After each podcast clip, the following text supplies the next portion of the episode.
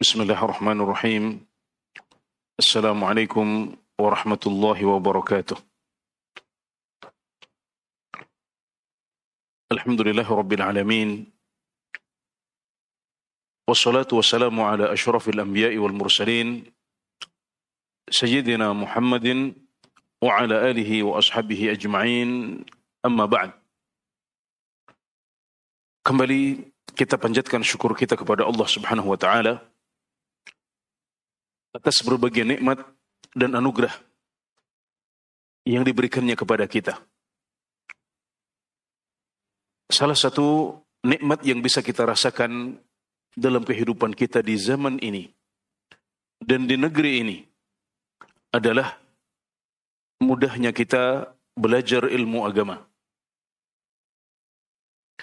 kita dengan mudah mendapatkan halakoh-halakoh ilmu, majlis-majlis ta'lim. Yang hal itu tidak mudah didapatkan oleh orang-orang pada zaman penjajahan, bahkan pada tahun 70-an, 80-an, 90-an. Kondisinya tidak seperti sekarang.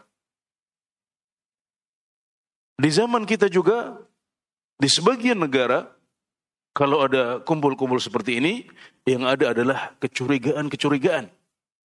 Bahkan dilarang. Itu bahkan terjadi di sebagian negara tetangga kita. Maka nikmat mudah mendapatkan majelis ta'lim ditambah juga taufik dari Allah Subhanahu wa taala sehingga hati kita tergerak untuk menghadiri majelis-majelis itu. Karena ada banyak juga orang yang tidak peduli.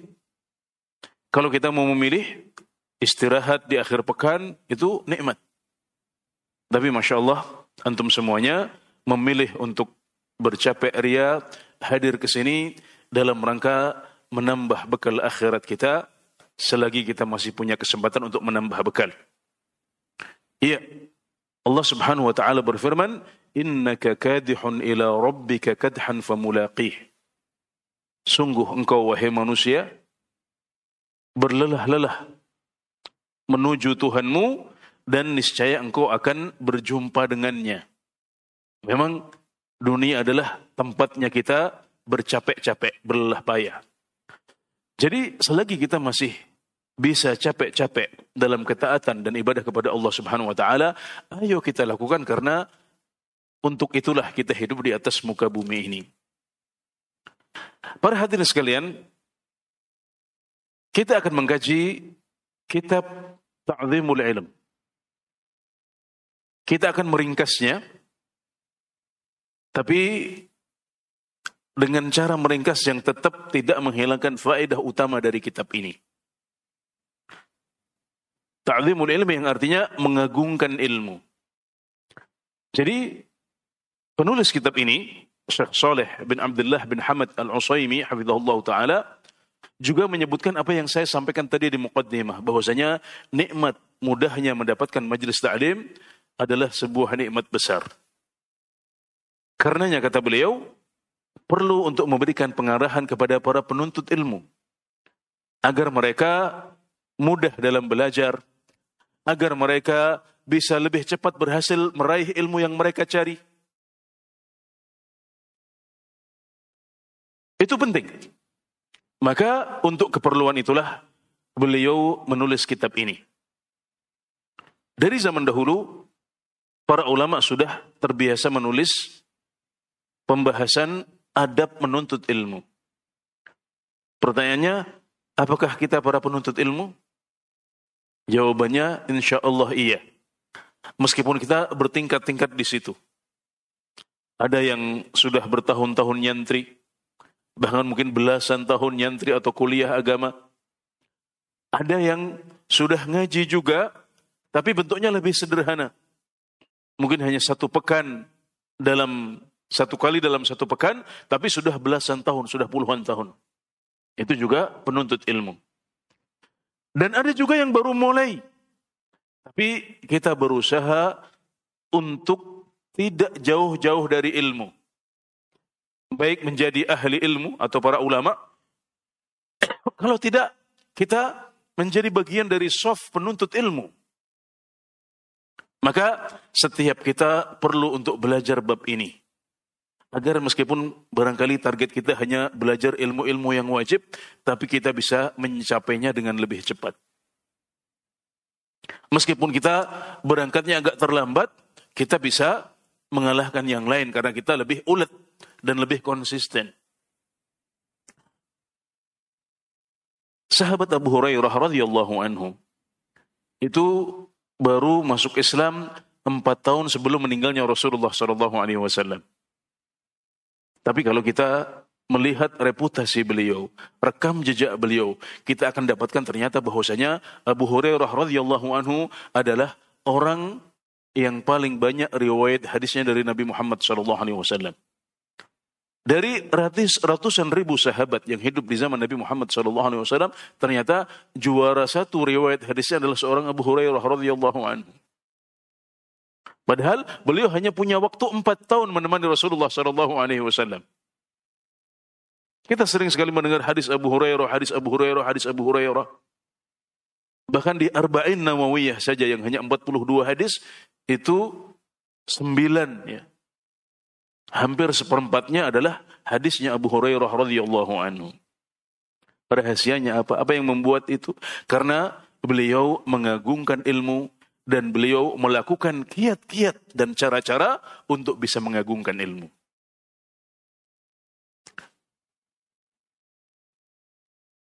Di antara kitab adab penuntut ilmu yang populer dan banyak dibaca pada zaman kita ini adalah kitab ini, kitab Ta'zimul Ilmi.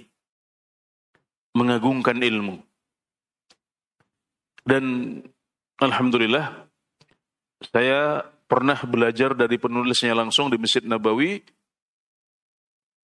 hampir 10 tahun yang lalu. Persisnya di tanggal 25 Sofar tahun 1433 Hijriah. Ini sekarang kita tahun berapa? 14 43 Hijriah bulannya oh, udah 44. Oh ya berarti iya berarti sudah hampir 11 tahun berarti. Masya Allah. Hampir lupa.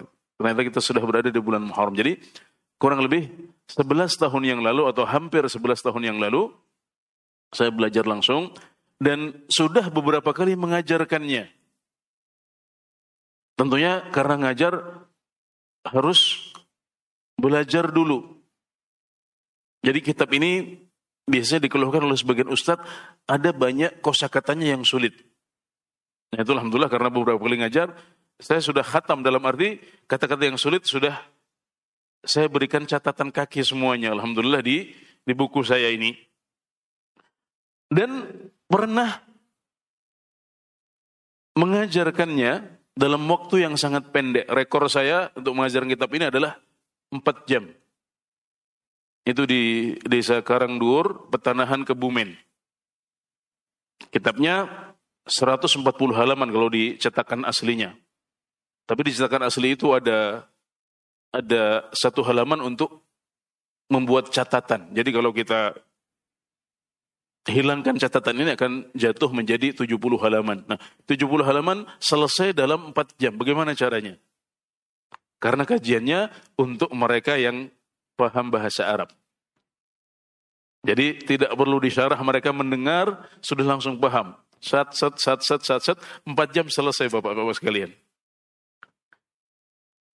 Tinggal dikasih sedikit komentar yang beberapa kosakata yang sulit saya jelaskan kepada mereka. Alhamdulillah akhirnya dalam empat jam khatam.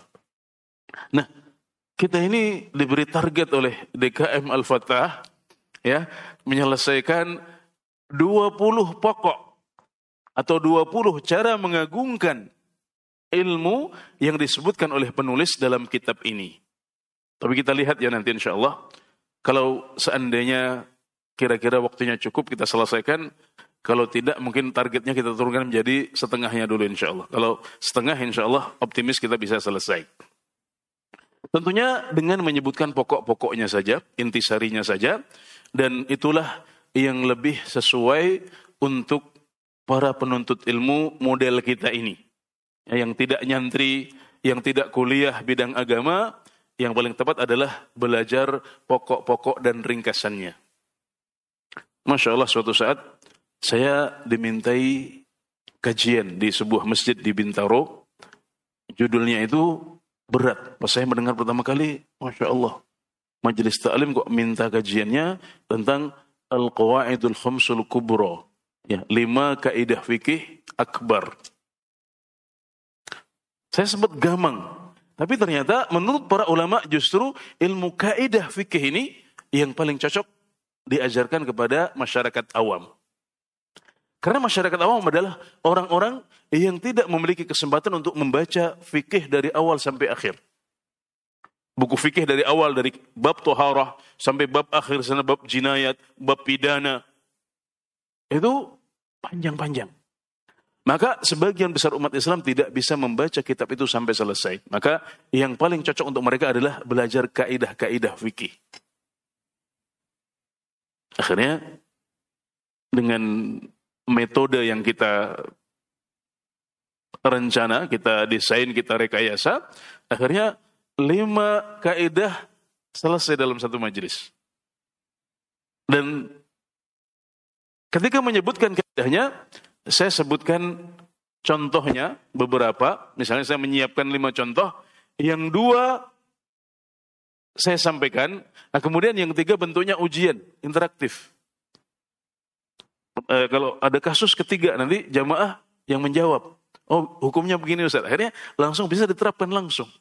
Apa yang mereka pahami dari kaidah kemudian mereka belajar dua contohnya ketika sampai contoh tiga, empat, lima mereka sudah bisa menerapkannya sendiri. Nah kajian kita mirip seperti itu. Targetnya besar, maka kita butuh metode untuk menyelesaikannya. Maka insya Allah kita akan membahasnya secara uh, singkat saja tanpa menghilangkan faedah utama dari masing-masing pokok. Baik, kenapa pengagungan ilmu?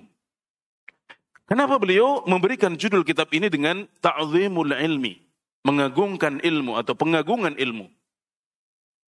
Karena menurut beliau orang baru bisa dapat ilmu Orang akan sukses menjadi penuntut ilmu kalau dia sudah mengagungkan ilmu ini. Maka kata kuncinya bagi beliau adalah ta'zim. Semakin kita mengagungkan ilmu, semakin mudah kita mendapatkan ilmu itu. Semakin kita lalai akan prinsip pengagungan ilmu ini, maka kita akan semakin sulit untuk mendapatkan ilmu.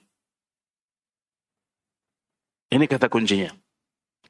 Maka kita harus bisa menjadi penuntut ilmu yang mau dan bisa mengagungkan ilmu.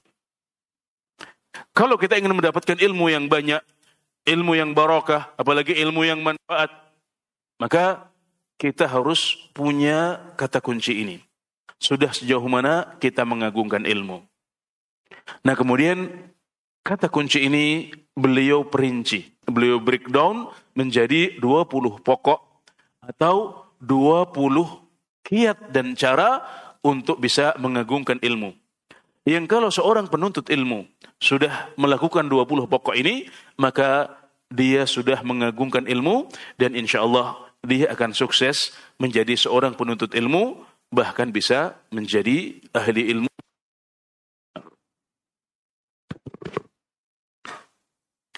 Baik, langsung ke pokok yang pertama.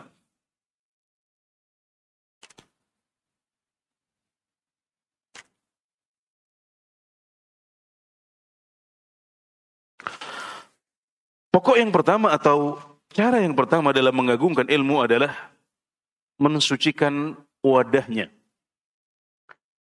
Setiap sesuatu itu punya wadah. Minyak wangi punya wadah. Teh punya wadah. Ikan yang kita pelihara juga ada wadahnya. Demikian juga ilmu yang akan kita cari atau kita tuntut memiliki wadah. Apakah wadah ilmu? Wadah ilmu adalah kalbu kita. Kalbu yang kadang-kadang kita menyebutnya sebagai jantung hati. Kita menyebutnya sebagai hati. Ya, secara, secara anatomi dia adalah jantung sebenarnya. Kalb. Itu adalah jantung. Bukan liver, bukan hati. Tapi Kalau kita memaksudkan bukan hati secara anatomi tapi hati secara spiritual, para ulama di Indonesia biasa menyebutnya sebagai hati. Jadi tidak masalah.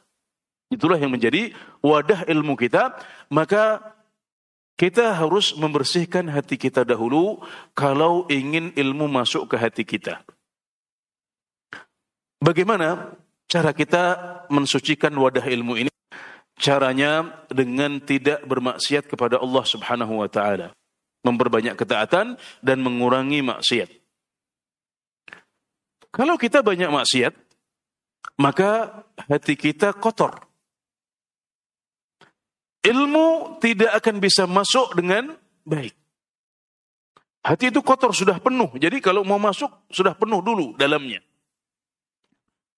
Atau Syekh mengumpamakan ilmu dalam hati kita itu seperti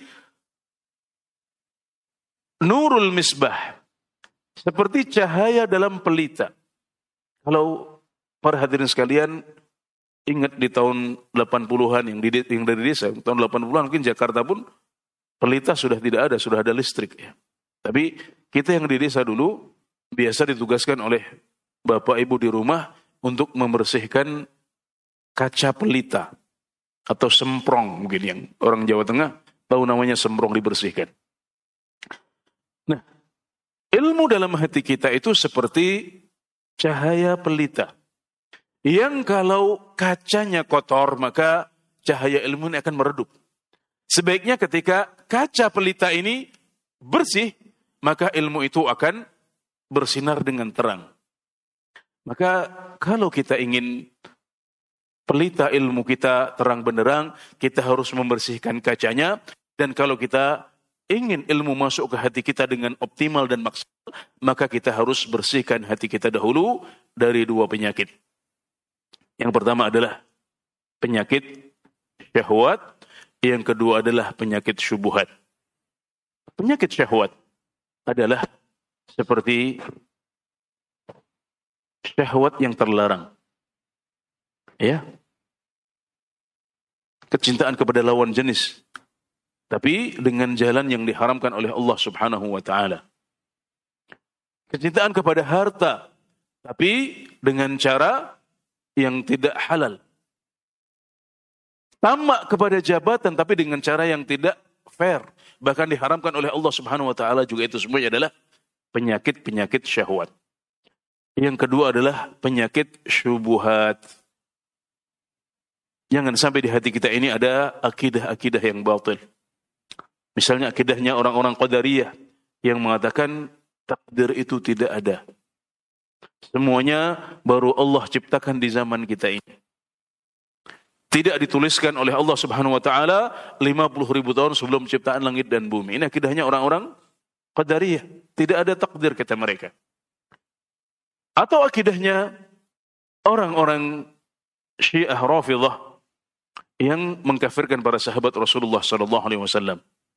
Ini semuanya digolongkan sebagai syubhat.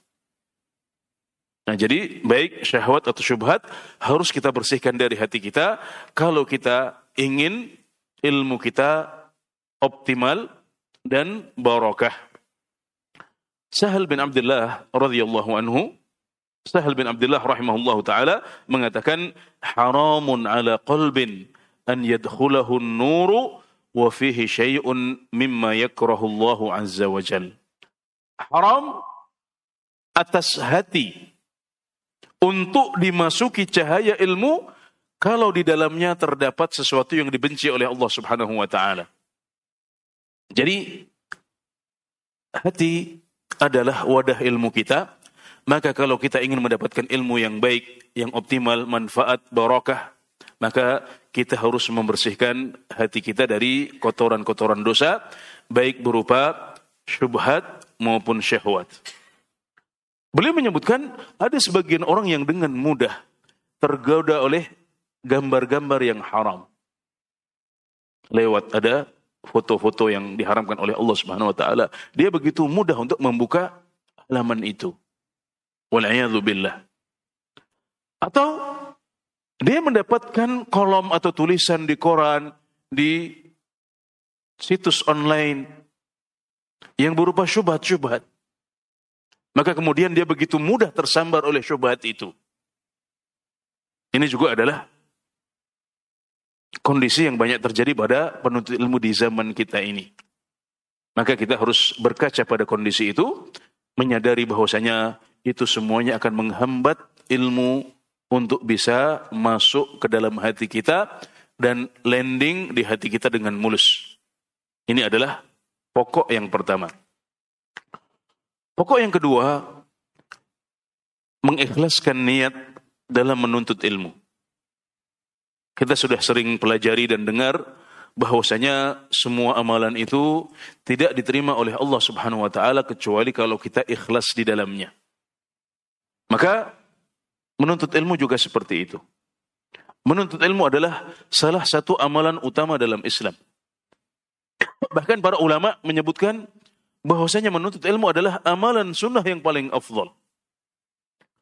Silahkan sebut amalan sunnah apa saja. Saya akan katakan bahwasanya menuntut ilmu lebih afdal daripada itu. Salat sunnah. Haji sunnah. Seperti apa itu haji sunnah? Haji yang kedua, ketiga, dan seterusnya. Bukan haji yang pertama. Puasa sunnah. Umrah sunnah. Itu semuanya kalah keutamanya dibandingkan menuntut ilmu.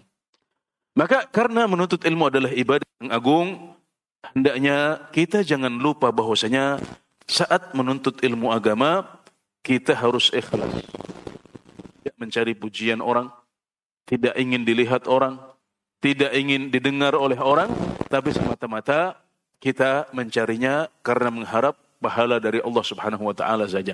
Kita hanya mengharap pujian dari Allah Subhanahu wa taala saja.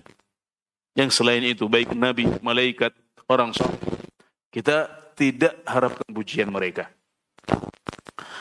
Dan semakin seorang penuntut ilmu ikhlas, semakin mudah dia mendapatkan ilmu. Dan di sini penulis menyebutkan bahwasanya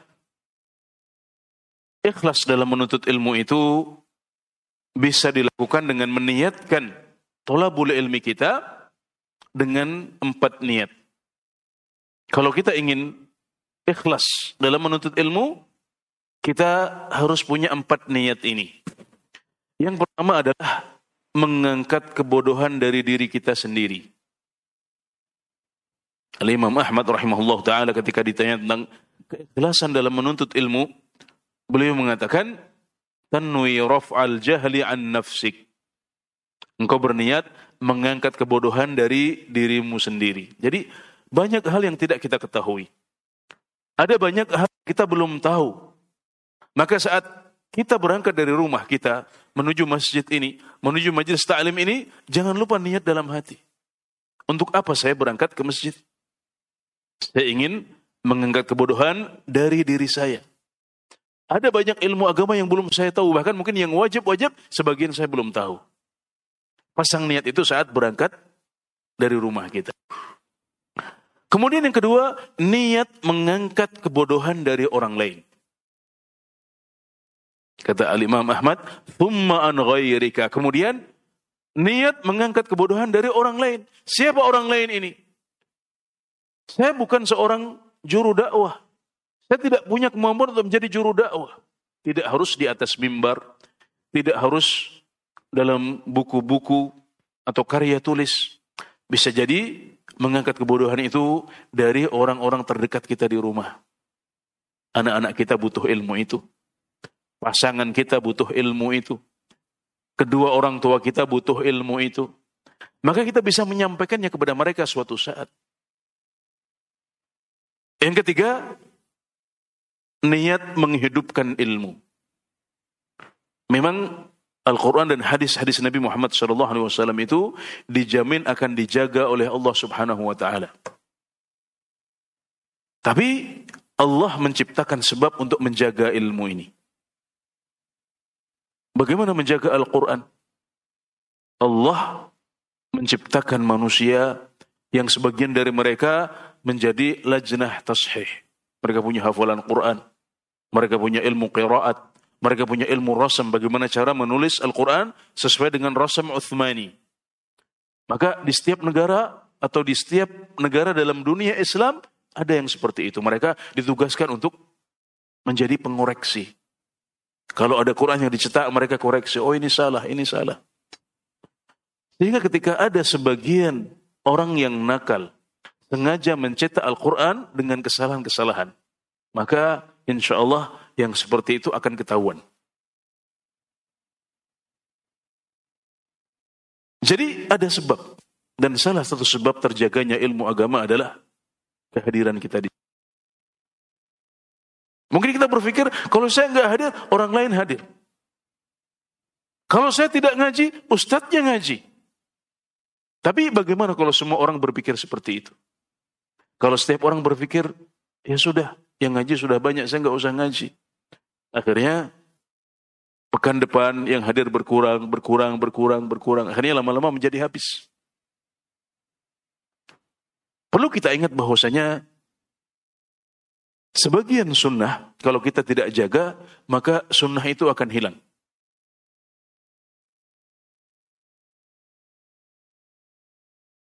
Saat saya awal-awal kuliah di kota Madinah, dahulu sering sekali para khotib, para ulama menyampaikan bahwasanya Nabi Muhammad SAW tidak mengajarkan sholat sunnah khusus sebelum sholat Jumat. Jadi tidak ada sholat sunnah khusus sebelum sholat Jumat. Saat kita masuk ke masjid, sholat kita adalah sholat duha atau sholat tahiyatul masjid. Bukan sholat sunnah qobliyah Jum'ah. Dan itu dulu digaungkan, kita sering dengar. Tapi setelah sekian belas tahun, maka pelan-pelan saya melihat ada banyak orang termasuk masyarakat Saudi sendiri yang ketika adzan pertama mereka bangun setelah ingin mengerjakan sholat sunnah qobliyah Jumat. Memang secara hukum kata para ulama yang seperti itu tidak perlu diingkari. Kenapa? Karena itu adalah waktu bolehnya sholat sunnah. Maksudnya Dahulu pun para sahabat Rasulullah Wasallam ketika masuk masjid, mereka sholat dengan sholat apa yang Allah takdirkan untuk mereka, tidak ada batasnya. Jadi kalau ada yang masih sholat sunnah sebelum sholat Jumat, ketika adzan pertama sudah berkumandang, maka itu tidak perlu diingkari. Tapi yang salah adalah kalau kita meyakini bahwasanya ada sholat sunnah khusus sebelum sholat Jumat. Ini yang salah. Bisa dibedakan ya. Nah, di akhir-akhir saya kuliah, ya, itu sudah banyak orang Saudi yang seperti itu. Kenapa? Sebabnya adalah karena barangkali dakwahnya berkurang. Ya, penjelasan tentang bab itu sudah tidak segencar dulu lagi. Maka kalau ada sebuah sunnah yang sudah masyhur di masjid kita, di masyarakat kita, kita harus rawat itu sunnah. Karena kalau kita tidak rawat, kita tidak terus mengkajinya sudah, udah bagus, nggak usah mengkaji ini lagi. Bisa jadi lama-lama orang tidak tahu. Ada jamaah masjid yang baru, dia belum paham, belum belum belum mengenal sunnah itu. Bisa sunnah hilang dari suatu masyarakat karena kita tidak berkontribusi dalam menjaganya. Demikian juga ilmu agama bisa hilang. Mungkin tidak dari Indonesia. Tapi dari masjid kita. Dari RT kita. Dari rumah kita. Maka masing-masing harus punya niat untuk menjaga ilmu agama. Jadi berangkat ke masjid untuk majelis taklim dengan niat saya ingin berkontribusi untuk menjaga ilmu agama Islam. Dan niat yang keempat adalah niat untuk mengamalkannya. Jadi yang pertama apa tadi? Mengangkat kebodohan dari diri kita sendiri. Yang kedua mengangkat kebodohan dari orang lain. Yang ketiga menjaga ilmu. Yang keempat mengamalkan ilmu. Dan mengamalkan ilmu adalah tujuan paling penting dari tolabul ilmi. Ilmu itu dicari untuk diamalkan. Dan dengan mengamalkannya kita aman. Kalau kita berilmu, menuntut ilmu, tapi tidak kita amalkan justru itu menjadi beban untuk kita. Hujjatun alaina. Nah, agar ilmu ini bermanfaat untuk kita, menjadi hujah bagi kita di hadapan Allah Subhanahu wa taala, kita harus mengamalkannya setelah mempelajarinya. Dan para ulama kita adalah orang-orang yang Allah berikan taufik untuk bisa ikhlas. Mereka itu kadang-kadang khawatir belum ikhlas. Jadi insya Allah mereka sudah ikhlas, hanya saja mereka khawatir maka mereka tidak mudah tidak mudah-mudah untuk mengklaim saya adalah orang yang sudah ikhlas dalam menuntut ilmu. Hisham Ad-Distiwai rahimahullah taala diriwayatkan mengatakan demi Allah saya tidak bisa mengatakan bahwasanya saya pernah berangkat menuntut ilmu pada suatu hari karena wajah Allah Subhanahu wa taala. Jadi Beliau diriwayatkan seperti ini. Demi Allah, saya tidak mengetahui pernah suatu hari datang ke majelis taklim menuntut ilmu karena Allah Subhanahu wa taala. Kata penulis kitab ini bukan berarti beliau tidak ikhlas. Insya Allah beliau ikhlas, tapi beliau khawatir mengklaim berlebihan. Jadi beliau su'udhan kepada diri sendiri. Seorang muslim itu husnudhan kepada Allah, su'udhan pada diri sendiri. Maka beliau seperti ini. Kita berusaha tapi tidak usah mengatakan saya sudah ikhlas. Boleh mengatakan saya berharap tolabul ilmi ini ikhlas karena Allah Subhanahu wa taala. Tapi tidak perlu mengklaim dengan mengatakan saya adalah ilmu yang sudah mukhlis. Kita tidak disuruh untuk mengklaim. Kita disuruh mengupayakan agar tolabul ilmi kita ini mukhlis karena Allah Subhanahu wa taala.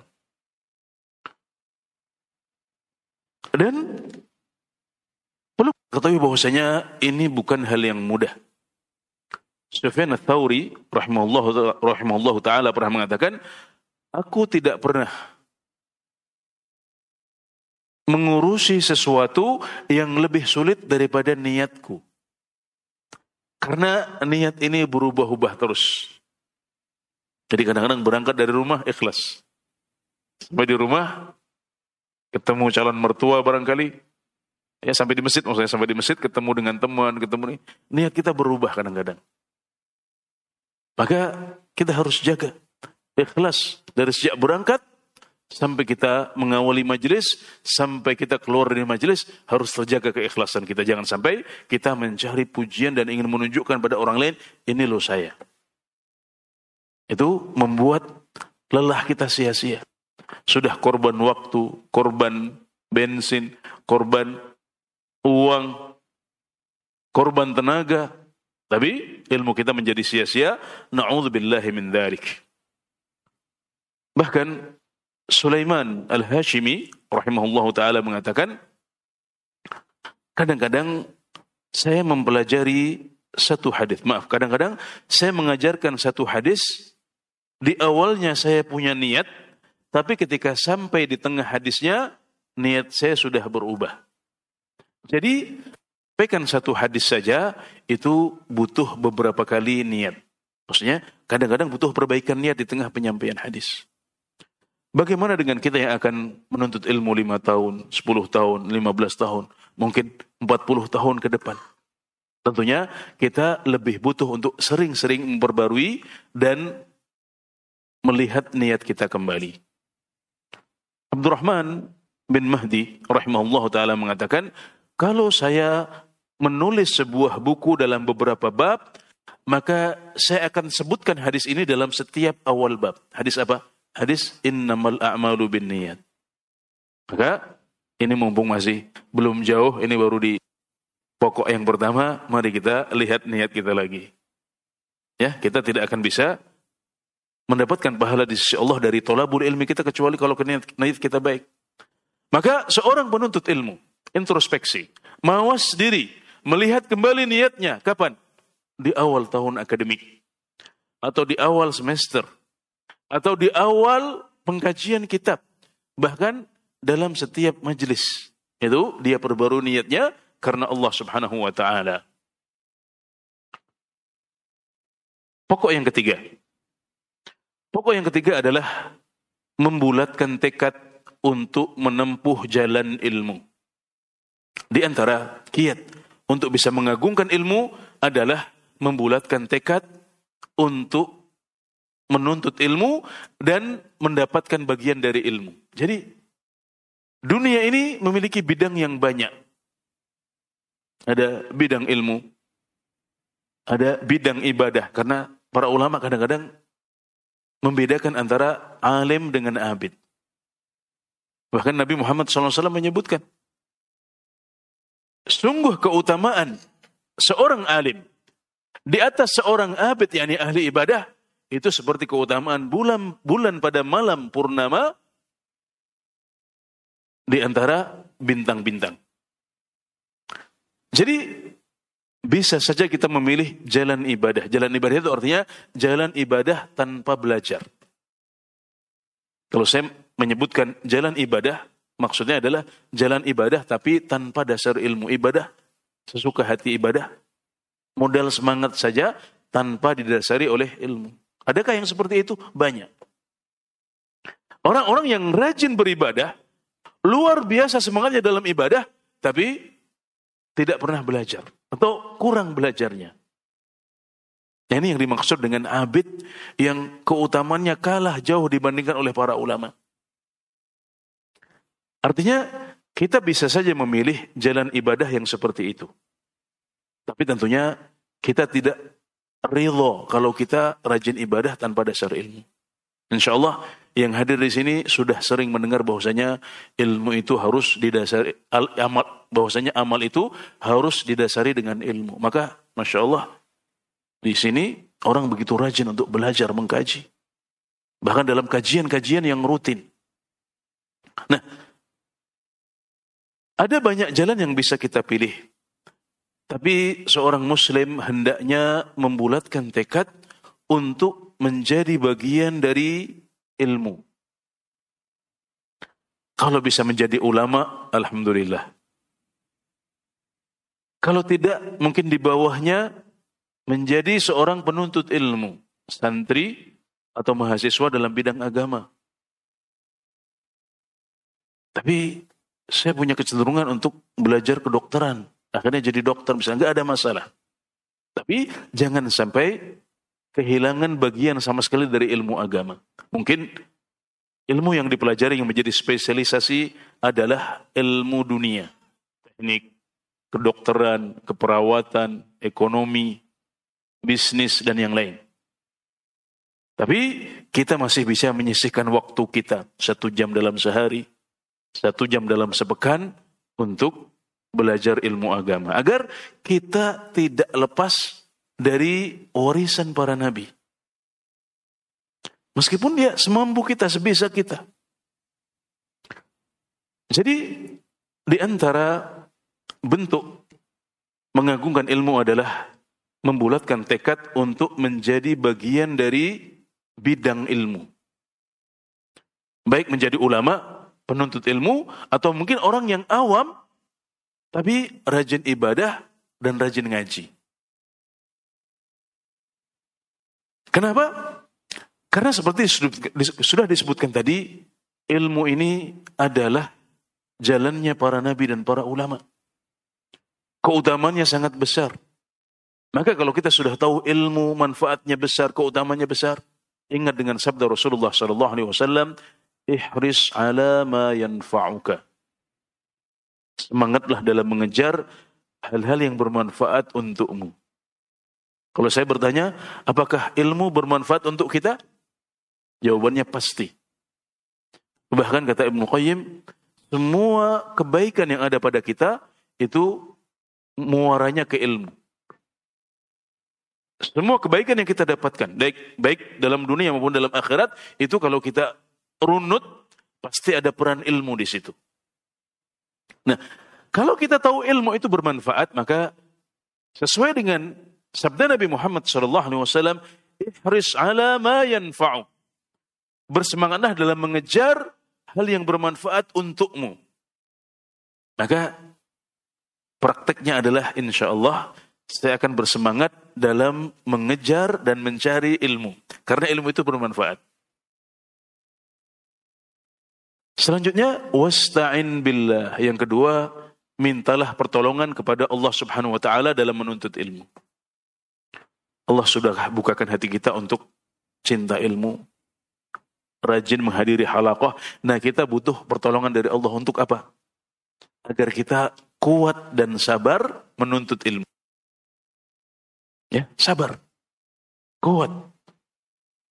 Setiap orang dari kita bisa untuk kajian sekali dua kali. Tapi konsisten kajian dalam satu tahun, dua tahun, lima tahun, sepuluh tahun, itu yang hebat. Maka kita butuh isti'anah kepada Allah subhanahu wa ta'ala. Potongan hadis yang ketiga, wala ta'jaz. Dan jangan engkau malas. Ya. Al-ajaz di sini artinya adalah kasal. Jangan malas. Jadi seorang muslim perlu menjatuhkan pilihannya pada jalan ilmu. Saya harus menjadi bagian dari ilmu. Saya nggak mau menjadi ahli ibadah yang dicela oleh Rasulullah Sallallahu Alaihi Wasallam. Kemudian, kalau kita sudah jatuhkan pilihan, maka kita bersemangat di situ, kita minta pertolongan kepada Allah dan tidak bermalas-malasan di situ.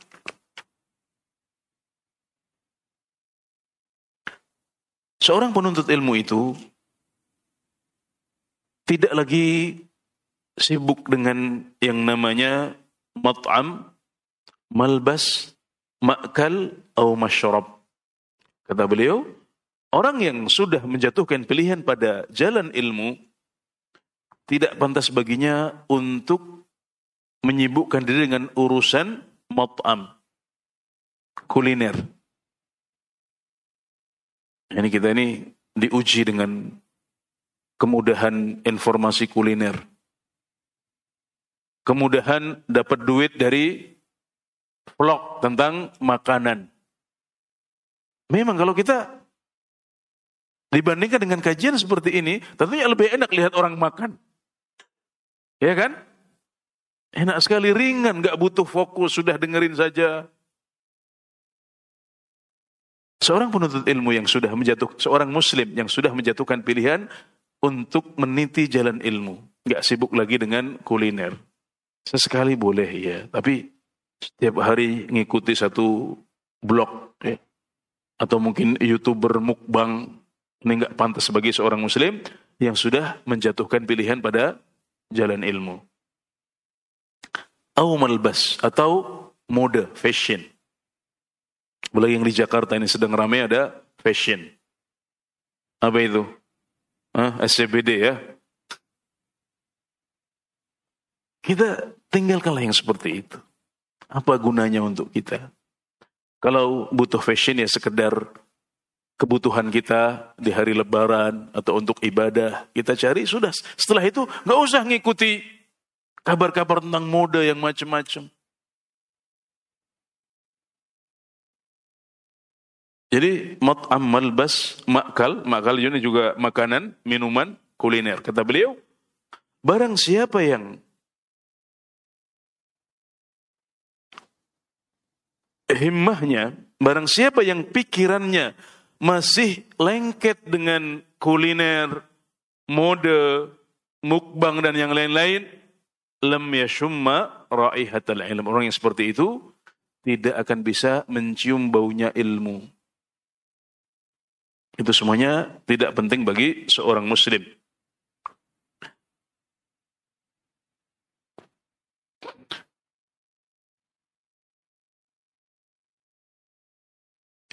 Kita bisa melihat contoh-contohnya dari para ulama sebelum kita.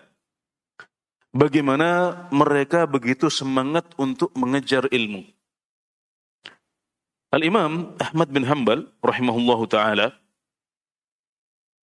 diriwayatkan bahwasanya beliau sudah ingin berangkat menuju majelis taklim sebelum subuh. Padahal waktu itu beliau masih belia, masih kecil. Maka ibunda beliau mengatakan hatta yu'adzinan nasa hatta yu'adzinan nasu au yusbihu. Wahai ananda, tunggu dulu sampai azan subuh. Atau tunggu dulu sampai waktu pagi tiba. Jadi saking semangatnya seorang Ahmad bin Hambal kecil sebelum subuh sudah bersiap ingin segera mengejar majelis ta'lim. Ini semangat beliau. Al-Khatib Al-Baghdadi rahimahullah ta'ala menyelesaikan baca Sahih Bukhari dalam tiga malam saja. Jadi saking semangatnya ketika orang sudah in ya, sudah masuk, ini pilihan saya, ini dunia saya.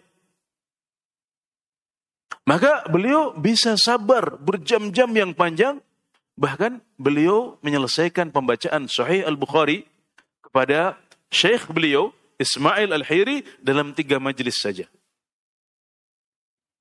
Hari pertama dari maghrib sampai subuh.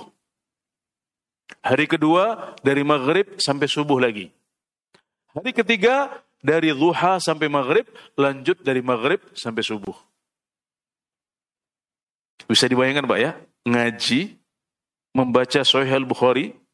Jadi beliau membacakannya kepada syekh beliau untuk, untuk bisa dapat sanad, ya, untuk bisa meriwayatkan Sahih Al-Bukhari. Beliau membacanya kepada Ismail Al-Hiri dalam tiga malam saja. Pak kira-kira kuat nggak Pak? Ini bukan satu malam terus libur gitu ya, enggak. Satu malam, besok lagi, lusa lagi. Bahkan yang lusa ini, yang pamungkasnya, itu dari waktu duha sampai subuh besok. Ini tentunya tidak mudah. Makanya Al-Zahabi rahimahullah ta'ala, rahimahullah ketika menyebutkan kisah ini beliau mengatakan ini adalah sesuatu yang saya tidak mengetahui ada orang di zaman kami yang bisa seperti itu. Nah ketika beliau menyebutkan kisah Al-Khatib Al-Baghdadi, beliau mengatakan ini mustahil bisa dilakukan oleh orang pada zaman kita ini. Itu abad ke-8 Hijriyah. Bagaimana dengan kita yang datang tujuh abad berikutnya? Normalnya Pak, kalau sekedar baca Sahih Al-Bukhari itu kira-kira kita butuh satu pekan. Satu pekan. Itu pun nanti bacanya sudah cepat sekali. Itu. Jadi Alhamdulillah Masya Allah sekarang juga ada kemudahan di berbagai pesantren, sekolah tinggi agama Islam di Indonesia, ada ngaji Sahih Bukhari yang sifatnya baca saja. Untuk siapa? Bukan untuk kita-kita. Tapi untuk para penuntut ilmu, santri, mahasiswa, bidang agama Islam yang bisa bahasa Arab tentunya banyak dari mereka yang ikut majelis seperti ini biasanya butuh satu pekan penuh atau lebih. Tapi seorang Al-Khatib Al-Baghdadi bisa menyelesaikannya dalam tiga malam saja. Bahkan itu ya tidak tiga hari penuh, tapi dua malam plus sehari semalam. Jadi tiga malam satu hari bisa dikatakan seperti itu. Nah ini menunjukkan bagaimana para salafus soleh begitu bersemangat untuk mencari ilmu ketika mereka sudah menjadikan ilmu sebagai jalan mereka. Nah, pokok yang keempat. Pokok yang keempat adalah fokus pada ilmu agama. Jadi yang nomor tiga tadi itu adalah masih umum. Pokoknya saya sebagai muslim, saya ingin mendapat andil dan bagian dari keutamaan ilmu. Nah, kalau kita sudah masuk ke situ, kita kerucutkan lagi ilmu apa? Jawabannya ilmu agama. Kalau bisa, ya, seorang muslim fokus pada ilmu agama. Tapi ini tidak wajib untuk semua orang. Tapi harus ada sebagian muslim yang fokus dalam ilmu agama. Boleh kalau ada di antara anak-anak kita yang memang kecenderungannya dari kecil sukanya matematika, MIPA dan semacamnya. Tidak masalah mereka melanjutkan pendidikan di bidang itu. Tapi di mana pun mereka kuliah atau belajar, mereka tetap harus mendapatkan pendidikan agama yang cukup. Minimal yang wajib-wajib. Tapi lebih baik lagi kalau ada di antara anak-anak kita ini yang fokus pada ilmu agama. Katakanlah misalnya kita punya anak lima, yang empat lebih cenderung pada ilmu umum, gak ada masalah. Tapi ada satu yang dari kecil bakatnya ngaji. Berprestasi dalam hafalan Al-Quran, rajin ke masjid, rajin menghadiri TPA dan semacamnya. Maka yang sepertinya jangan dipaksa juga untuk belajar di ilmu umum. Kalau bisa kita atau anak kita atau ada di antara anak kita yang fokus pada bidang ilmu agama. Kenapa? Kata beliau, Karena semua ilmu yang bermanfaat itu kembalinya kepada kalamullah wa rasulihi sallallahu alaihi wasallam kepada firman Allah yaitu Al-Qur'an dan sabda Nabi Muhammad sallallahu alaihi wasallam yaitu sunnah Nabi Muhammad sallallahu alaihi wasallam. Dan itu yang Allah perintahkan kepada Nabi untuk berpegang teguh. Allah mengatakan, "Fastamsik billadzi uhiya ilaik innaka ala siratim mustaqim." Maka wahai Rasulullah, pegang teguhlah. Berpegang teguhlah dengan wahyu yang telah kami turunkan kepadamu. Sesungguhnya engkau berada di atas jalan yang lurus. Kemudian beliau bertanya, penulis bertanya, adakah wahyu yang diturunkan kepada Nabi Muhammad SAW selain Al-Quran dan Sunnah? Jawabannya tidak ada. Kalau ilmu dunia, beliau tidak lebih pintar dari kita. Suatu ketika Nabi Muhammad SAW melewati sekelompok sahabat yang sedang melakukan proses takbir namanya. Takbir pakai hamzah yaitu penyerbukan pohon kurma. Jadi para hadirin sekalian pohon kurma itu agar bisa berbuah harus dibantu penyerbukannya. Jadi kita ambil benang sari dari pohon jantan, kita pindahkan dengan proses tertentu, dengan prosedur tertentu, kita taruh di benang sari eh, di, eh, di di putiknya pohon betina ya, di putiknya pohon betina.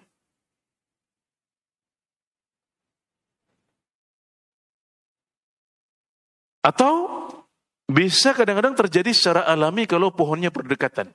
Dengan bantuan angin bisa terjadi. Tapi kalau tidak berdekatan maka harus dibantu. Ini namanya takbir. Nah, suatu saat Nabi Muhammad SAW melewati mereka dan mengatakan, kenapa tidak kalian tinggalkan? Biarin saja. Nah, para sahabat mengira bahwasanya itu adalah wahyu dari Allah Subhanahu wa taala. Maka pohon kurma mereka tahun itu tidak berbuah. Karena ini sunnah kauniyah. Kalau mau berbuah, kita harus kawinkan dulu. Akhirnya mereka mendatangi Rasulullah sallallahu alaihi wasallam, "Wahai Rasulullah, buah kurma kami, pohon kurma kami tidak berbuah tahun ini." Maka Nabi Muhammad SAW mengatakan, Antum a'lamu bi umuri dunyakum. Kalian lebih paham dengan urusan dunia kalian. Nabi adalah rujukan dalam ilmu agama yang diwahyukan kepada beliau adalah ilmu agama yang diwariskan oleh beliau adalah ilmu agama. Maka alangkah bahagianya seorang muslim kalau dia bisa mengambil bagian dari warisan Nabi Muhammad SAW.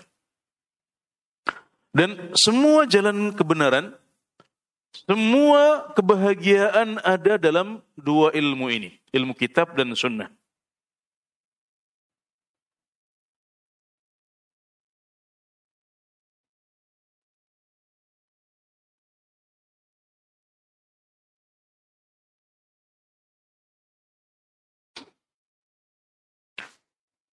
Ibnu Mas'ud radhiyallahu anhu mengatakan man arada al-ilm falyuthawwir al-Qur'an fa inna fihi ilm al-awwalin wal akhirin. Barang siapa yang ingin ilmu maka hendaknya dia mencarinya dalam Al-Qur'an. Karena dalam Al-Qur'an ada ilmu awalin wal akhirin ilmunya orang-orang dahulu ilmunya orang-orang yang akan datang itu semuanya sudah ada dalam Al-Quran. Al-Quran itu mukjizat. Jadi ini adalah intisari dari pokok yang keempat. Jadi setelah kita membersihkan wadah ilmu, yaitu kalbu kita, mengikhlaskan niat kita, memilih jalan ilmu sebagai jalan kita, kita fokus pada ilmu apa Bapak sekalian? Ilmu agama Islam, yaitu ilmu kitab dan sunnah. Pokok yang kelima, meniti jalan terbaik untuk menuntut ilmu. Sulukul jadah al-musilah ilaih. Ada sebagian penuntut ilmu agama yang sudah nyantri bertahun-tahun kuliah bertahun-tahun, tapi setelah perjalanan yang panjang itu ternyata dia belum bisa membaca kitab gundul. Tidak bisa berbicara aktif dengan bahasa Arab. Sementara penuntut ilmu yang kedua dalam waktu setengah tahun saja sudah bisa membaca kitab gundul. Ini adalah ilustrasi yang bukan khayalan, tapi ini adalah ilustrasi yang saya benar-benar mengalaminya. Pernah melihat orang-orang kelompok pertama yang sudah belajar sekian tahun bahkan belasan tahun, tapi finishnya tidak bisa baca kitab. Bukan belajar teknik kedokteran, belajarnya ilmu agama juga di kampus Islam juga. Sementara kelompok yang kedua ada yang begitu cepat bisa menguasai ilmu-ilmu agama itu. Kenapa sampai terjadi perbedaan yang sedemikian jauh? Jawabannya adalah karena metodologi. Yang pertama salah metodologi, yang kedua memakai metode belajar yang benar.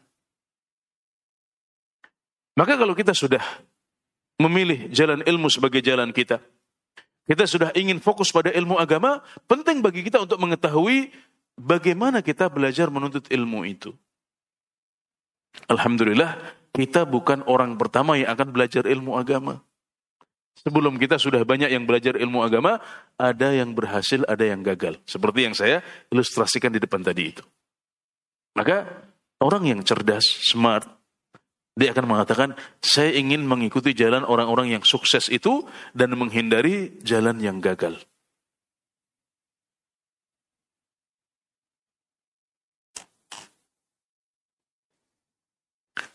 Beliau mengatakan, metode menuntut ilmu yang benar itu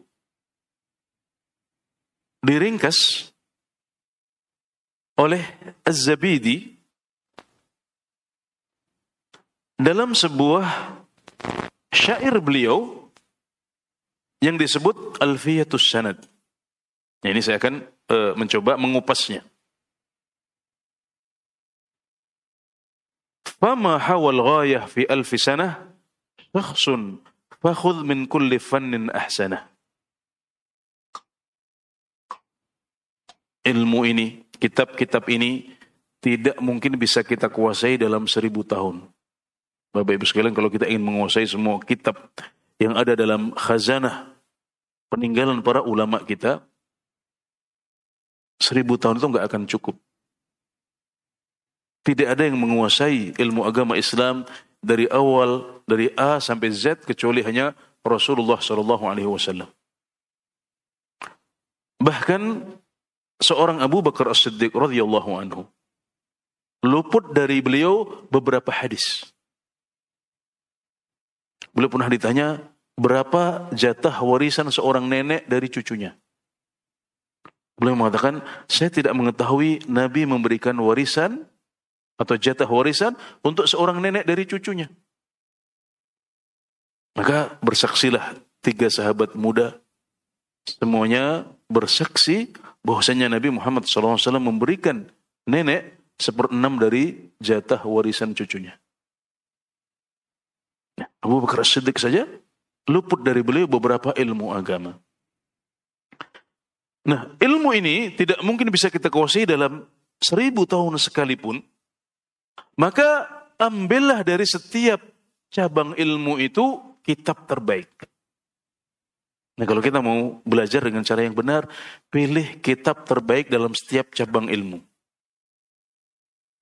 Yang ingin belajar fikih, ada kitab terbaik dalam fikih syafi'i.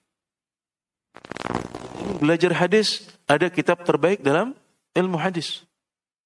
Yang ingin belajar akidah, ada kitab terbaik dalam ilmu akidah. Jangan cari yang aneh-aneh. Kitab yang tidak masyhur. Oh ini baru keluar nih. Sudah kita belajar ini saja. Tidak. Tidak seperti itu caranya. Caranya cari kitab terbaik yang direkomendasikan oleh para ulama atau para ustadz kita dalam setiap cabang ilmu. Bihifdni matnin jami'in lirrajihi ta'khudhuhu ala mufidin nasihi dengan menghafal matan yang mengumpulkan pendapat-pendapat paling kuat. Dan engkau mempelajarinya dari seorang guru yang memiliki dua sifat. Mufid dan nasih. Ya, ini metode yang benar itu dirangkum dalam syair ini para hadirin sekalian. Baik, bagaimana caranya? Yang pertama, memilih matan terbaik. Tanya, Ustaz, saya ingin belajar fikih syafi'i. Apa kitab terbaik yang bisa dipelajari oleh seorang penuntut ilmu pemula? Oke, okay, kita punya kitab Matnul Ghayah wa Taqrib atau yang dikenal sebagai Matan Abi Syuja. Silahkan mulai dari kitab ini misalnya. Baik, ambil kitabnya, kemudian hafalkan. Kalau bisa dihafalkan, kalau tidak paling enggak kita memahami. Jadi menghafal lebih baik, tapi paling tidak kita baca dulu itu dari awal sampai akhir. Kemudian bagaimana cara belajarnya? Cara belajarnya tidak otodidak. Belajar otodidak itu salah. Belajarnya sama guru, sama ustadz. Nggak masalah nanti butuh waktu setahun, dua tahun, tidak masalah. Jadi belajarnya dengan sistem talaki. Belajar kepada ustadz, dengan bimbingan guru. Tapi gurunya harus punya dua kriteria ini.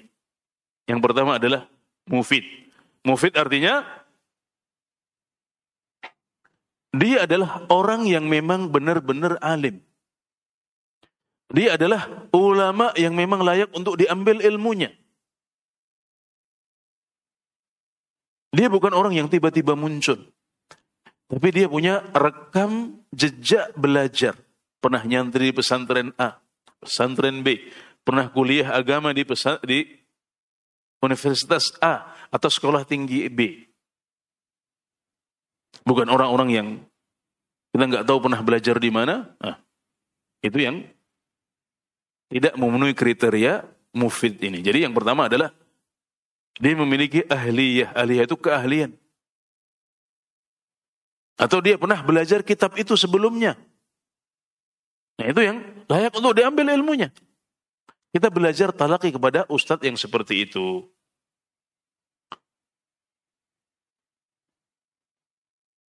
Maka di zaman kita ini ijazah itu bisa mencerminkan Pak. Oh ini punya ijazah dari pesantren A.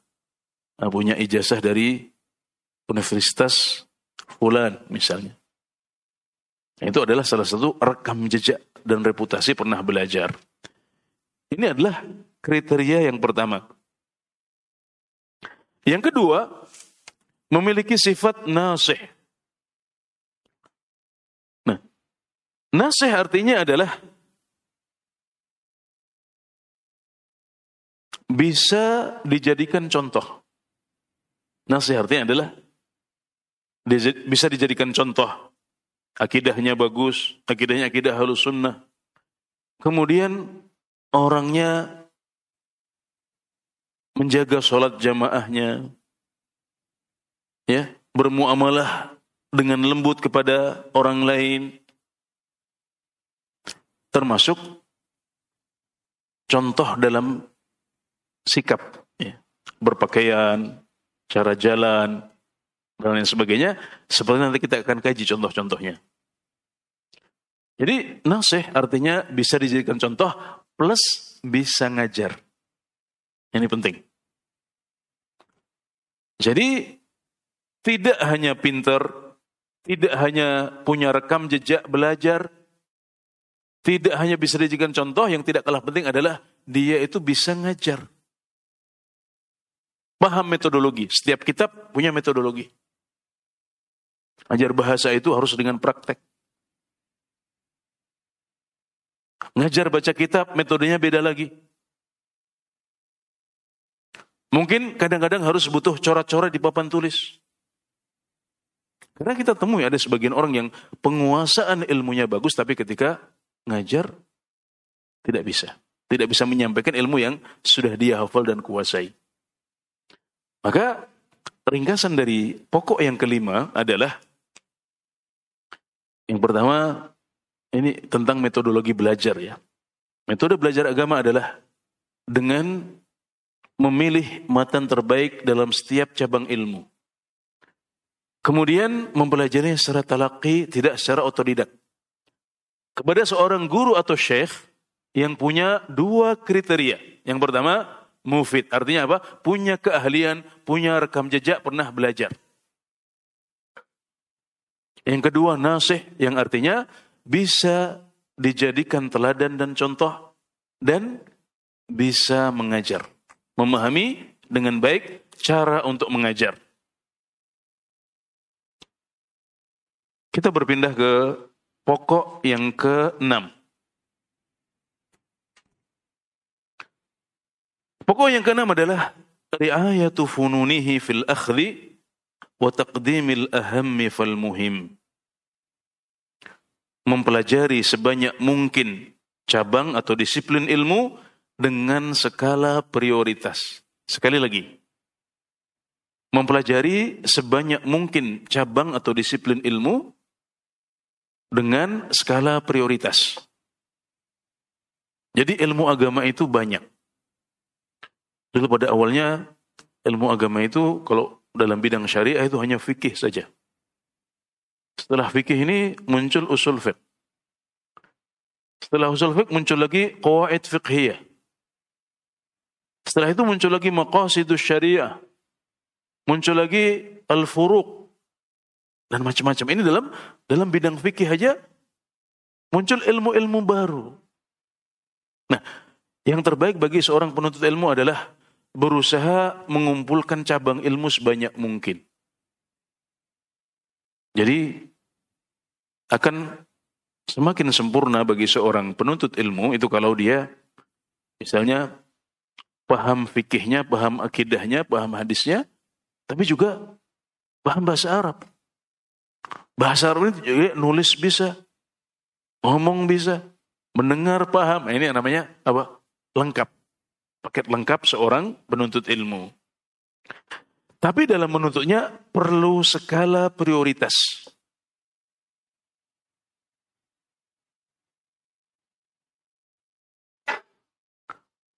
Ditambah lagi, kalau kita tidak bisa mempelajari dan menguasai sebagian ilmu, Jangan kita mencela ilmu itu. Ada ilmu yang mungkin bukan prioritas. Seperti misalnya ya, misalnya ilmu qiraat. Kita kalau sudah belajar Al-Quran dengan satu qiraah saja itu sudah cukup insya Allah.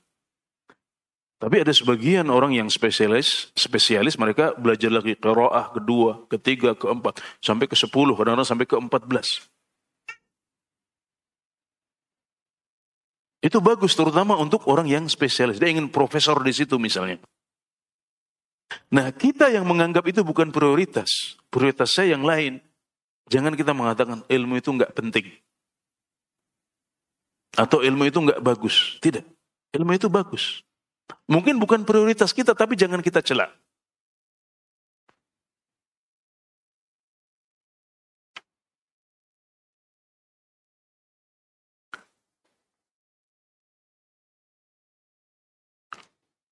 Jadi kita berusaha untuk mengumpulkan sebanyak mungkin.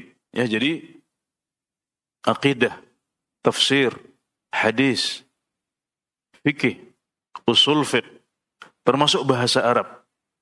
Kita berusaha mempelajarinya sebanyak mungkin, tapi dengan skala prioritas. Kenapa? Karena tidak mungkin semuanya kita pelajari dalam satu waktu.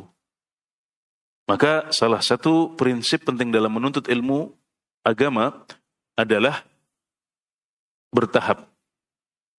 Tidak langsung ingin melahapnya semuanya dalam satu tahun, dua tahun. Tapi bertahap. Mulai dari yang wajib-wajib dahulu, mulai dari yang ringan-ringan dahulu sebelum berpindah kepada yang lebih berat. Mulai dari matan yang pendek dulu sebelum kita berpindah kepada matan yang lebih panjang. Al-Imam Malik bin Anas rahimahullah taala pernah mengatakan menuntut ilmu itu hasanun jamil bagus dan cakep. Lakin unzur ila alladhi yalzamuka min hini tusbihu hatta tumsi falzamhu. Tapi lihat apa yang menjadi kewajibanmu dari waktu pagi sampai sore, maka dari situlah kamu mulai. Ini para hadirin, ini yang namanya skala prioritas. Kita mulai dari ilmu yang wajib dahulu.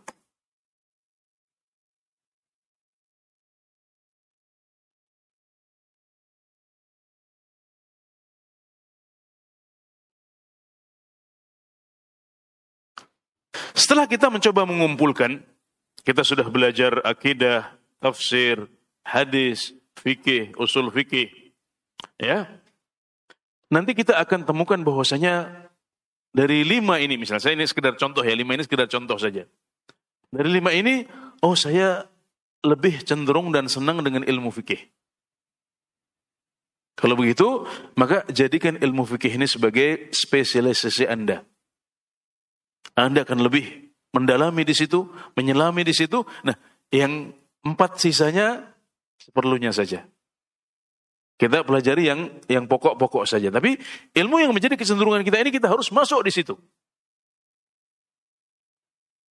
Kenapa? Karena pada zaman kita ini untuk bisa menguasai semua cabang ilmu, semua disiplin ilmu dengan tabahur. Tabahur itu artinya menjadi lautan di situ menjadi pakar dan ahlinya di situ. Ini nyaris mustahil pada zaman kita. Jadi jalan yang benar bagi seorang penuntut ilmu adalah mencoba mengumpulkan ilmu-ilmu paling penting, nah, kemudian dia menjadi spesialis dalam salah satunya saja atau salah duanya, boleh. Paham ya? Bisa dipahami ya? Ini namanya skala prioritas. Yang penting dikumpulkan dulu tapi nanti masing-masing akan si A cenderungnya fikih. Sudah kamu dalami fikih. Saya kok Masya Allah ya kok senangnya akidah. Bisa mengajarkan tauhid kepada orang-orang. Itu yang paling penting. Oh kalau gitu ambil akidah jadikan sebagai khusus. Oh saya lebih senang belajar bahasa Arab saja. Gak masalah silakan ambil bahasa Arab. Nah nanti S1-nya di situ, S2-nya di situ, S3-nya di situ, profesornya di situ kalau bisa. Ya, ini adalah prinsip bertahap, berjenjang dengan skala prioritas. Jadi berusaha untuk mengumpulkan semua cabang ilmu tapi dengan skala prioritas. Nah,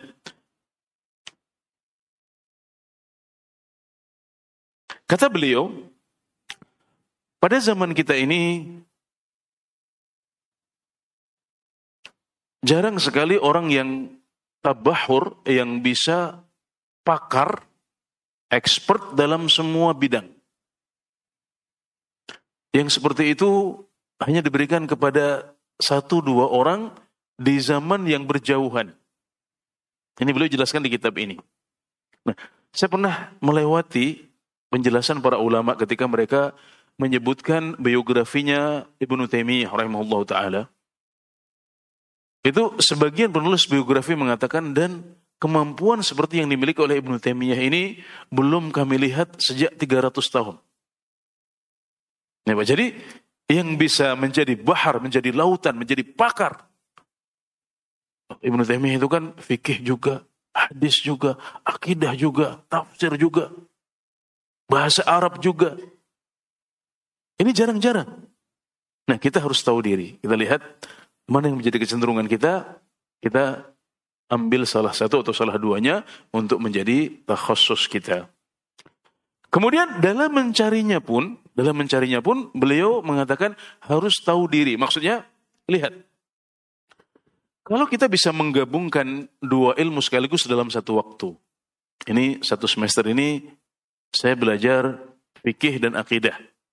Kalau memang masih bisa digabungkan, silahkan. Tapi banyak orang itu bisanya satu saja. Jadi belajar fikih saja, selesaikan. Satu tahun, nanti tahun berikutnya baru akidah. Nah ini juga metodenya para ulama, mereka menasihatkan seperti itu.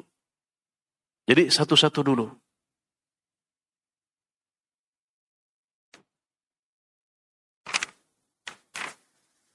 Nah, lawan dari prinsip ini adalah, jadi ini prinsipnya jadi apa kita mencoba mengumpulkan sebanyak mungkin disiplin ilmu, tapi dengan skala prioritas dan memilih salah satu untuk dijadikan bidang spesialisasi kita. Nah, yang salah adalah kalau ada penuntut ilmu yang merasa cukup dengan satu, ya sudah saya fikir saja. Nggak mau belajar yang lain, ini salah.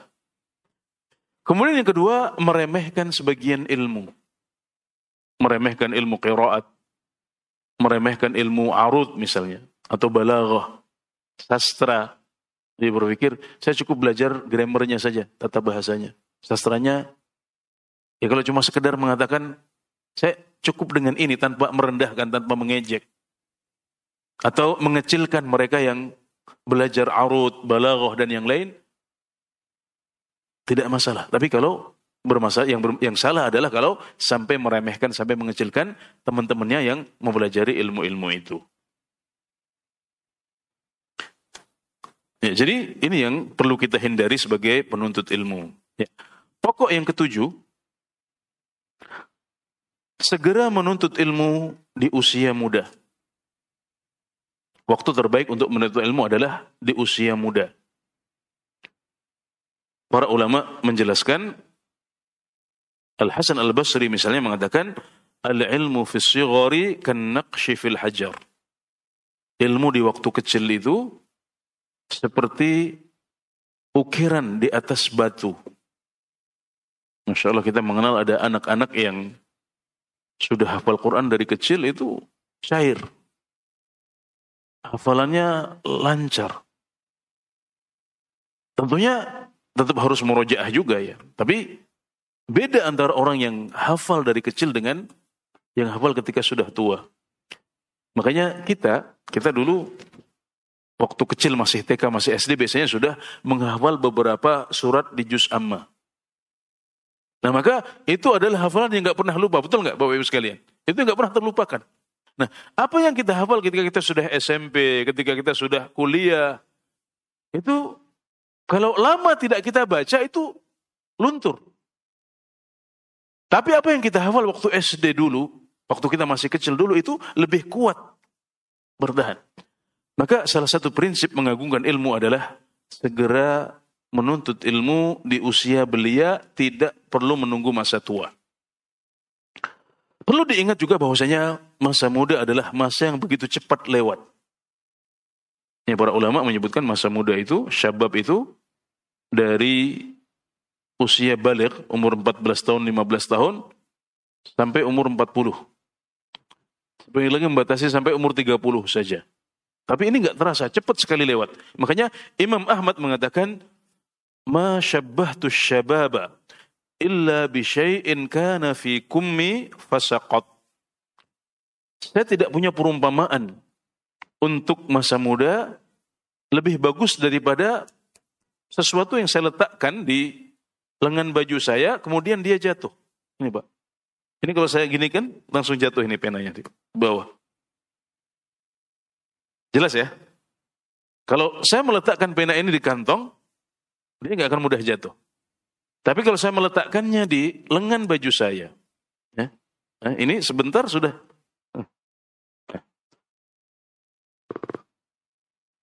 Seperti inilah usia muda. Usia muda begitu cepat lewat, maka kapan kita punya semangat untuk menuntut ilmu? Segera mulai. Jangan mengatakan nanti kalau sudah umur 20, nanti kalau sudah umur 25, nanti kalau sudah umur 30. Jangan. Segera mulai. Sebagian dengan alasan nanti kalau saya sudah mapan, kalau saya sudah lebih siap, baru saya akan menuntut ilmu. Yang terjadi adalah semakin kita tua, maka semakin banyak kesibukan kita. Semakin banyak orang-orang yang yang harus kita urus, yang harus kita nafkahi. Maka waktu terbaik untuk menuntut ilmu, khususnya ilmu agama adalah ketika kita masih muda. Tentunya ini kita semua sudah mengetahuinya, tapi sekedar mengingatkan lagi.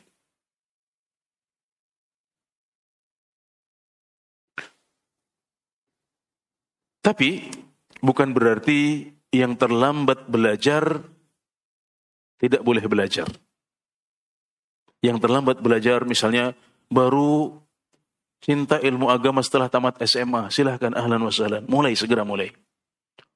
Oh saya baru mulai senang belajar agama ketika sudah kerja. Karena di kantor ada masjid yang rajin majelis taklim, akhirnya tersentuh di situ. Kalau begitu saya ingin hijrah, saya ingin belajar ilmu agama saja. Enggak masalah, silahkan dimulai. Tadi kita sudah jelaskan bagaimana Abu Hurairah hanya dalam empat tahun berhasil mengalahkan para sahabat yang lain dalam bab riwayatul hadis. Kalau masalah keutamaan tentunya Abu Bakar. Masalah fikih tentunya Ibnu Abbas, Ibnu Mas'ud, atau Mu'ad bin Jabal.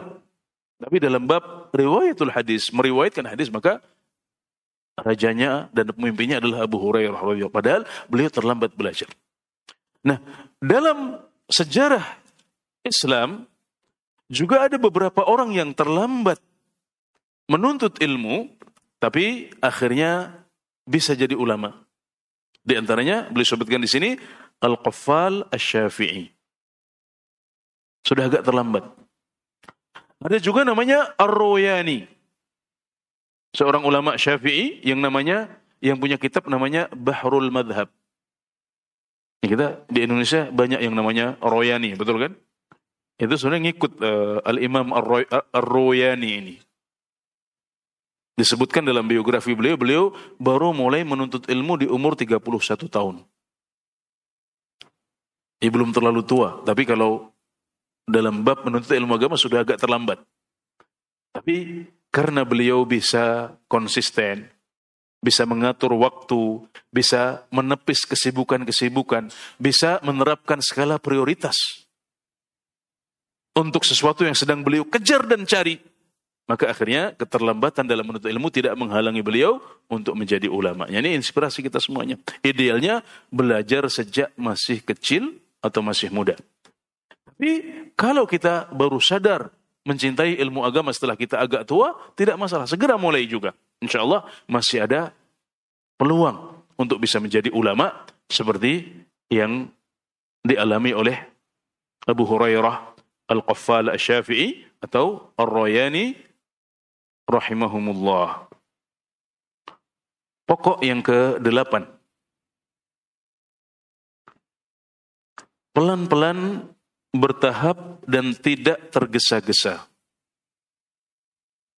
Para hadirin sekalian, Allah Subhanahu wa taala bisa saja menurunkan 6000 sekian ayat Al-Qur'an langsung kepada Rasulullah sallallahu alaihi wasallam. Tapi apakah Allah lakukan itu? Tidak. Allah Subhanahu wa taala menurunkannya secara bertahap dan perlahan-lahan.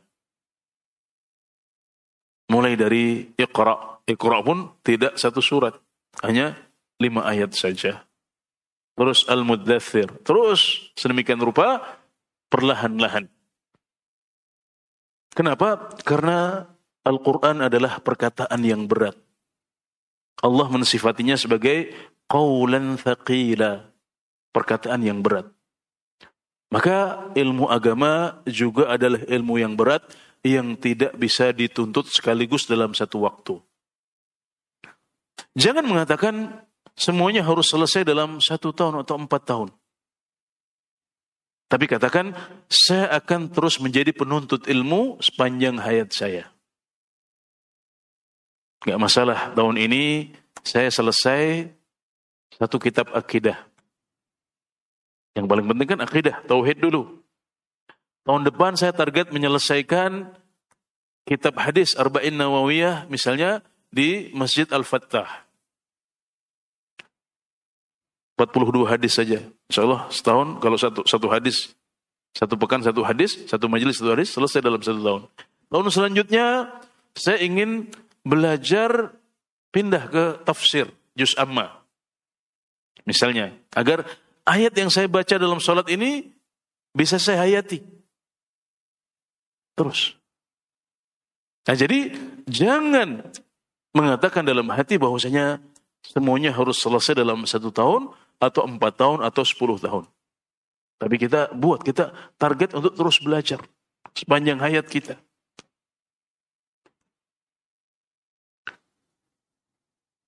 Beliau menyebutkan sebuah syair yang menarik di sini.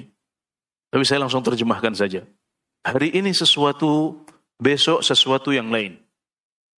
Dari ilmu-ilmu pilihan yang bisa kita petik. Dengan begitu seseorang bisa mendapatkan hikmah, kebijaksanaan. Sesungguhnya banjir itu berasal dari kumpulan rintik-rintik air. Para hadirin sekalian, kalau kita merenungkan banjir yang terjadi di sungai sekitar kita, misalnya di sini ada dekat Ciliwung sini ya. Masih banjir kadang-kadang Ciliwung? Masih banjir. Tapi banjir itu bagaimana asalnya? Banjir itu berasal dari titik-titik hujan, satu titik, satu titik, satu titik, seribu, satu juta, satu miliar, satu triliun. Terus. Jadi tidak langsung tiba-tiba menjadi air bah. Tapi dia mulai dari titik-titik kecil itu. Maka begitulah seorang muslim menuntut ilmu. Hari ini satu permasalahan. Pekan depan satu permasalahan yang lain. Diselingi dengan kajian apa namanya ini? Kajian tematik, nggak masalah sesekali tematik. Terus begitu untuk satu tahun, lima tahun, sepuluh tahun tanpa terasa ternyata masya Allah sudah banyak ilmu yang kita pelajari. Berarti juga sudah banyak apa pahala yang sudah kita tabung dalam tabungan amal kita. Syu'bah bin Al-Hajjaj mengatakan, saya bolak-balik ke Amru bin Dinar sebanyak 500 kali. Dalam 500 pertemuan itu, saya hanya bisa mendapatkan 100 hadis dari beliau. Jadi 500 kali majelis taklim, dapatnya cuma 100 hadis. Berarti rata-rata satu hadis diambil dalam lima pertemuan. Ya. Begitulah dahulu para ulama kita capek dalam belajar. Hamad bin Abi Sulaiman mengatakan kepada murid beliau, belajar dalam satu hari tiga permasalahan saja, jangan lebih dari itu. Belajar tiga permasalahan saja. Jangan banyak-banyak, pelan-pelan. Karena besok kita masih akan belajar lagi, lusa masih lagi, pekan depan masih lagi.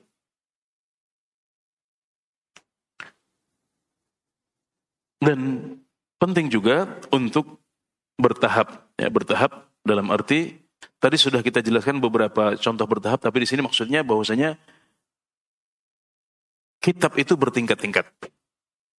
Kitab hadis misalnya ada yang pendek, ya, yang yang tipis untuk pemula, misalnya Arba'in Nawawiyah itu 42 hadis saja. Mulai dari situ. Kalau sudah selesai baru berpindah ke misalnya ke kitab Umdatul Ahkam, 400 hadis. Selesai dari situ ke Bulughul Maram, sekitar 1600 hadis misalnya, bertahap. Nah, jadi jangan sampai kita baru mulai belajar langsung masuknya ke Bulughul Maram misalnya. Nah, itu terlalu tinggi.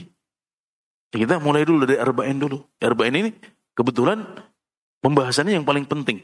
Semua muslim harus tahu. Setelah selesai baru pindah ke yang lebih tebal, yang lebih tebal. Para ulama mengatakan ta'amul kibar summus sigar. Makanan yang enak untuk para senior, untuk orang-orang tua, itu adalah racun untuk anak kecil. Kita suka makan makanan-makanan yang lezat, yang lebih kompleks bumbunya. Ya. Kita menikmati itu. Tapi bagi anak kecil, itu bisa jadi racun. Mereka bisanya bubur. Mereka bisanya bahkan mungkin susu. Atau susu formula, belum bisa yang lain. Kalau kita paksakan mereka mengatakan, ini enak lona, apa yang terjadi? Nah, jadi ini prinsip yang harus dipahami oleh seorang muslim. Pelan-pelan, perlahan-lahan, dan bertahap. Kemudian satu lagi, jangan tergesa-gesa. Ingat, ya, ilmu ini banyak, tidak mungkin kita kuasai dalam lima tahun, sepuluh tahun, bahkan dalam seribu tahun, maka kita jangan tergesa-gesa. Ambil semampunya saja dengan skala prioritas, mulai yang wajib-wajib. Insya Allah kalau kawan-kawan yang sudah hadir kajian lama, saya berharap ilmu wajibnya sudah selesai. Yang belum insya Allah itu tinggal ilmu yang fardu kifayah atau sunnah saja. Biidhnillahi ta'ala. Nomor sembilan. Jadi dibatasi oleh panitia sampai jam 11. Habis itu kita buka sesi tanya jawab sebentar ya. Jadi mungkin uh, kita turunkan target dulu ya. Kita sepakati ya Bapak Ibu sekalian. Kita turun target dulu insya Allah sampai poin 10 saja insya Allah. Nanti kalau ada umur panjang, kalau ada waktu yang lain kita bisa lanjutkan ke pokok yang 11 sampai 20 insya Allah. Poin yang kesembilan atau cara dan pokok yang kesembilan adalah sabar bersama ilmu. Baik saat menuntutnya maupun saat mendakwahkannya.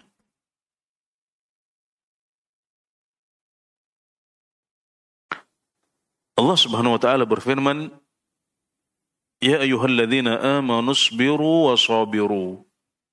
Wahai orang-orang yang beriman, bersabarlah dan kalahkan orang lain dalam kesabaran. Ini perintah Allah untuk kita semuanya. Siap? Kita harus bersabar. Gak cukup. Tapi lihat teman-teman kita yang Masya Allah lebih sabar. Kita berusaha mengalahkan mereka dalam kesabaran.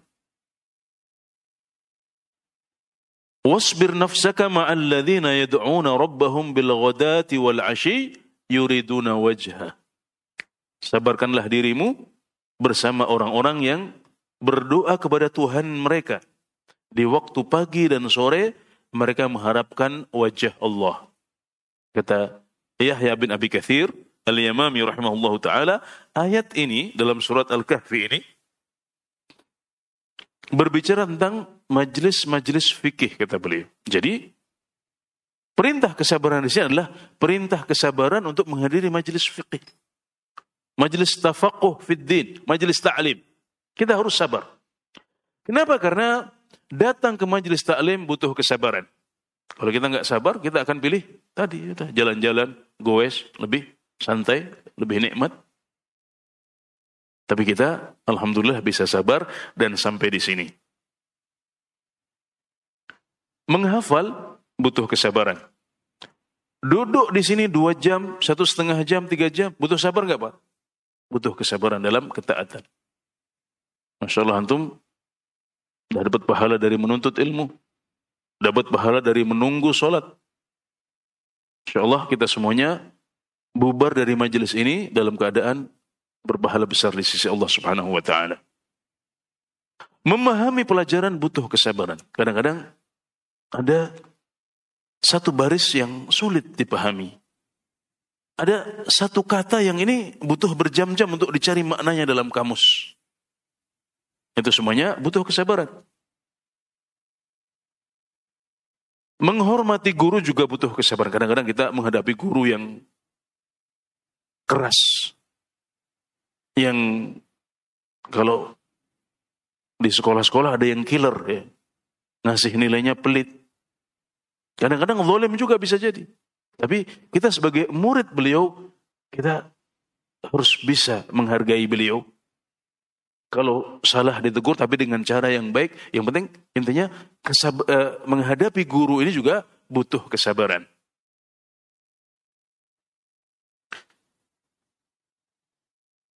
Yang kedua, kesabaran dalam menyampaikan. Jadi setelah kita belajar, saat kita mendakwahkan dan mengajarkan ilmu yang kita pelajari, maka mengajarkan kepada anak-anak itu butuh kesabaran. Ya, duduk. Insya Allah, kalau saya disuruh milih, ya, saya akan memilih duduk belajar daripada mengajar. Sama-sama dua jam, tapi tentunya yang mengajar lebih lelah. Maksudnya kalau disuruh milih-milih yang sesuai dengan selera kita yang yang pengen santai ya sudah. Lebih enak belajar pasti. Maksud saya, duduk mengajar dua jam atau bahkan lebih dari itu. Sebagian Masya Allah kuat sampai malam mengajar. Itu butuh kesabaran.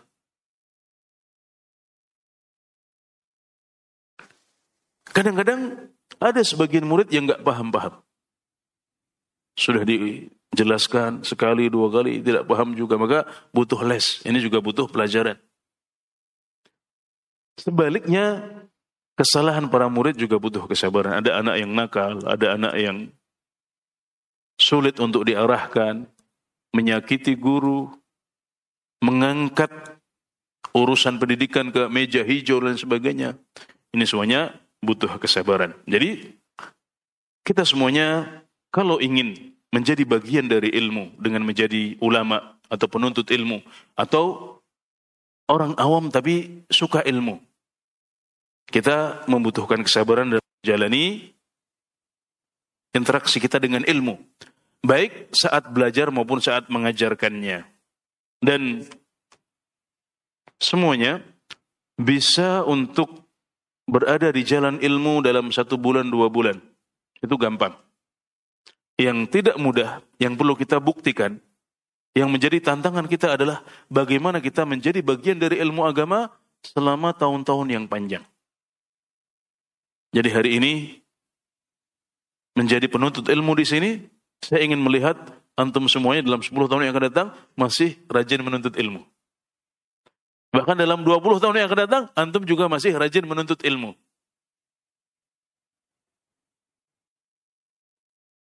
Likullin ila sya'wil ula wa thabat, walakin azizun fir thabat. Ini artinya, setiap orang dari kita bisa untuk melompat, meraih cita-citanya dengan satu lompatan, dua lompatan, tiga lompatan, semua orang bisa. Tapi yang sukses adalah yang konsisten. Ini dalam semua hal, dalam urusan duniawi, dalam urusan akhirat, yang selesai adalah yang konsisten. Ada sebagian orang yang katanya mau olahraga, ya, ingin jogging, lari. Apa yang dia lakukan? Lari sekali, dua kali, habis itu berhenti. Apakah dia akan berhasil? Tidak akan berhasil. Pergi ke gym, ya, untuk uh, fitness. Dia kerjakan satu kali, dua kali, tiga kali, gampang. Tapi yang sukses adalah mereka yang konsisten. Setiap pekan, dua kali, tiga kali, setahun, dua tahun. Itu yang berhasil. Nah, dalam menuntut ilmu juga seperti itu. Kita akan sukses kalau kita konsisten, sabar, tidak hanya sepekan, dua pekan, tidak hanya sebulan, dua bulan, tapi kita berdoa semoga kita tetap bersama ilmu dan ulama dan penuntut ilmu selama tahun-tahun yang panjang, kalau bisa sampai kita dipanggil oleh Allah Subhanahu wa taala. Dan kesabaran dalam ilmu termasuk kesabaran dalam menjalani ketaatan kepada Allah Subhanahu wa taala.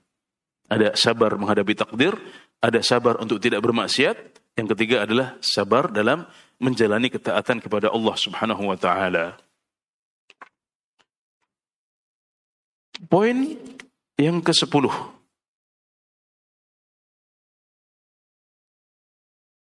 Yang terakhir untuk kajian hari ini insya Allah menetapi adab ilmu. Mulazamatu adabil ilmi. Menetapi adab ilmu. Adab itu sangat penting dalam agama kita. Bahkan para ulama menganggap adab itu harus dipelajari dahulu sebelum kita belajar ilmu. Sebelum kita belajar tentang rukun-rukun sholat, tata cara sholat. Ya. Kita butuh untuk belajar adab dahulu. Yusuf bin Al-Husain mengatakan, Bil adabi tafhamul ilm. Dengan adab engkau akan paham ilmu. Nah, jadi kalau kita ingin memahami ilmu dengan baik, kita ingin mendapatkan ilmu yang baik, jangan lupakan adab.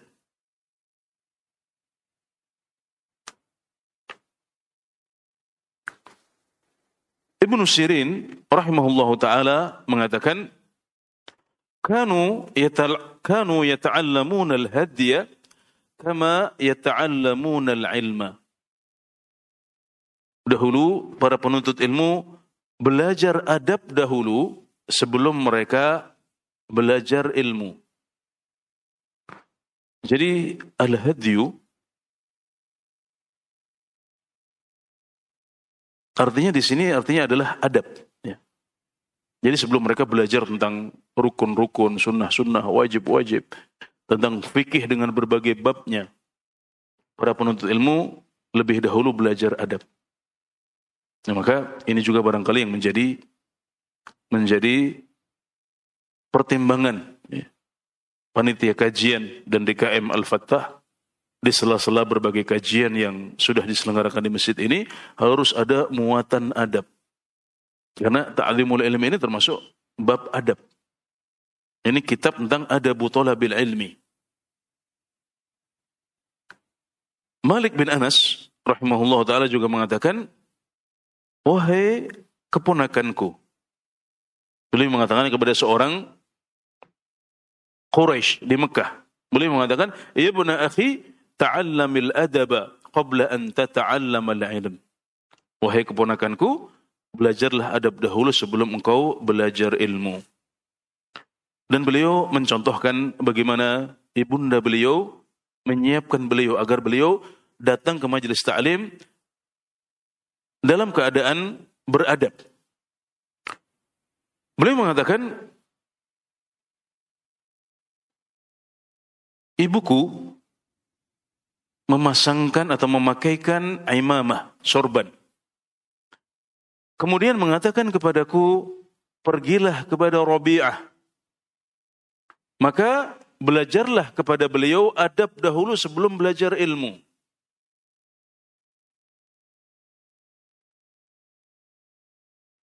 Jadi ini yang dipraktekkan oleh ibunda beliau, ibunda Malik bin Anas rahimahullah taala. Beliau yang masih kecil disiapkan, nah nggak boleh masuk majelis sembarangan.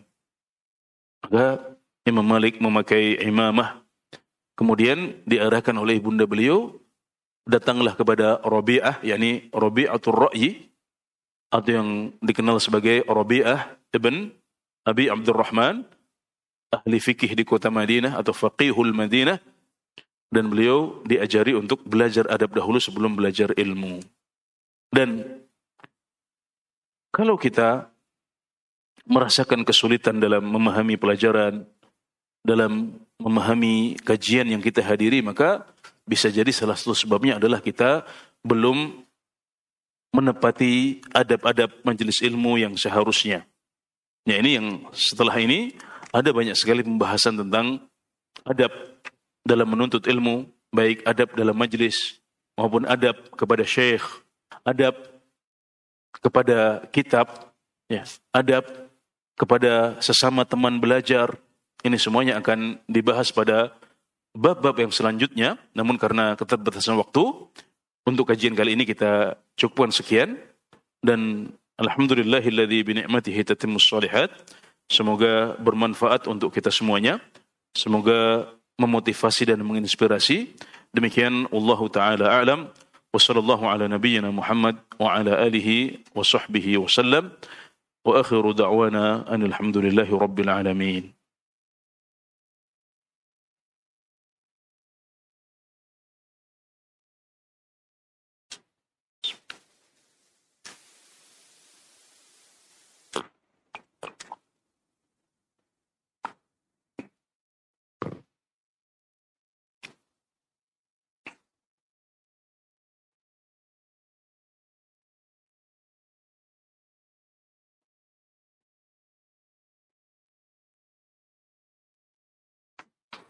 Ya, uh, ada pertanyaan yang disampaikan oleh seorang hadirin. Apakah boleh menuntut ilmu dari ahli bid'ah? Dan bagaimana penjelasan Syekh Al-Usaimi ya, boleh ketika darurat? Ya, tadi kita sudah jelaskan bahwasanya kriteria guru yang layak untuk diambil ilmunya adalah mufid, nasih ya. Capable mufid itu artinya capable punya keahlian. Nasih itu artinya dua. Bisa dijadikan contoh. Yang kedua tahu metode pengajaran. Nah dengan demikian seorang ahlul bidah tidak memenuhi kriteria dijadikan guru. Karena dia tidak bisa dijadikan contoh. Tidak bisa dijadikan contoh. Karena contoh itu umum ya dalam ibadah, contoh dalam akidah, termasuk contoh dalam sikap sehari-hari. Ini harus kita perhatikan. Nah, jadi pada dasarnya seorang ahlul bid'ah tidak boleh dijadikan guru. Apalagi kalau kita belum memiliki filter yang cukup. Kalau kita masih seorang penuntut ilmu pemula, kita harus hati-hati. Siapa yang boleh? Yang boleh adalah dalam keadaan darurat. Ketika ada sebuah cabang ilmu yang dikuasai oleh ahlul bid'ah ini. Sementara di negeri kita tidak ada ahlus sunnah yang menguasai ilmu itu. Atau levelnya jauh dari orang tersebut. Maka di sini kita boleh untuk belajar padanya. Ya, tapi harus hati-hati, ekstra hati-hati. Jadi tetap kita belajar dari para ulama ahlu sunnah wal jamaah. Adapun ahlul bid'ah itu kita ambil ilmu itu saja. Sebatas ilmu yang tidak dimiliki oleh para ustadz dan para ulama kita. Dan tetap kita harus hati-hati sambil meminta pertolongan kepada Allah Subhanahu wa taala agar dilindungi. Jadi ini memang darurat. Dan pada prinsipnya para ulama, beliau juga akan jelaskan di salah satu bab bahwasanya hal seperti ini masyru'. Jadi kalau jihad misalnya ya jihad tidak bisa tegak kecuali dengan kontribusi dan andil dari sebagian ahlul bid'ah. Maka bid'ah uh, maka jihad harus tetap berjalan. Meskipun dengan adanya mereka. Demikian juga mempelajari ilmu agama itu harus terus tegak. Ilmu agama ini harus terjaga. Ya syukur kalau kita bisa mengambil ilmu itu dari dia.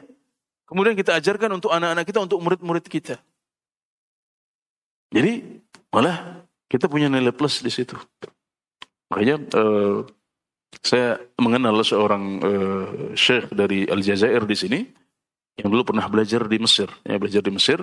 Nah, beliau punya misi untuk mengambil sebagian ilmu yang jarang dimiliki di kalangan ahlu sunnah. Ya, beliau ngambil di sana dengan niat apa niat untuk bisa menyebarkan ilmu itu kepada para penuntut ilmu di Indonesia. Ya, bahkan sekarang beliau di Indonesia alhamdulillah manfaat.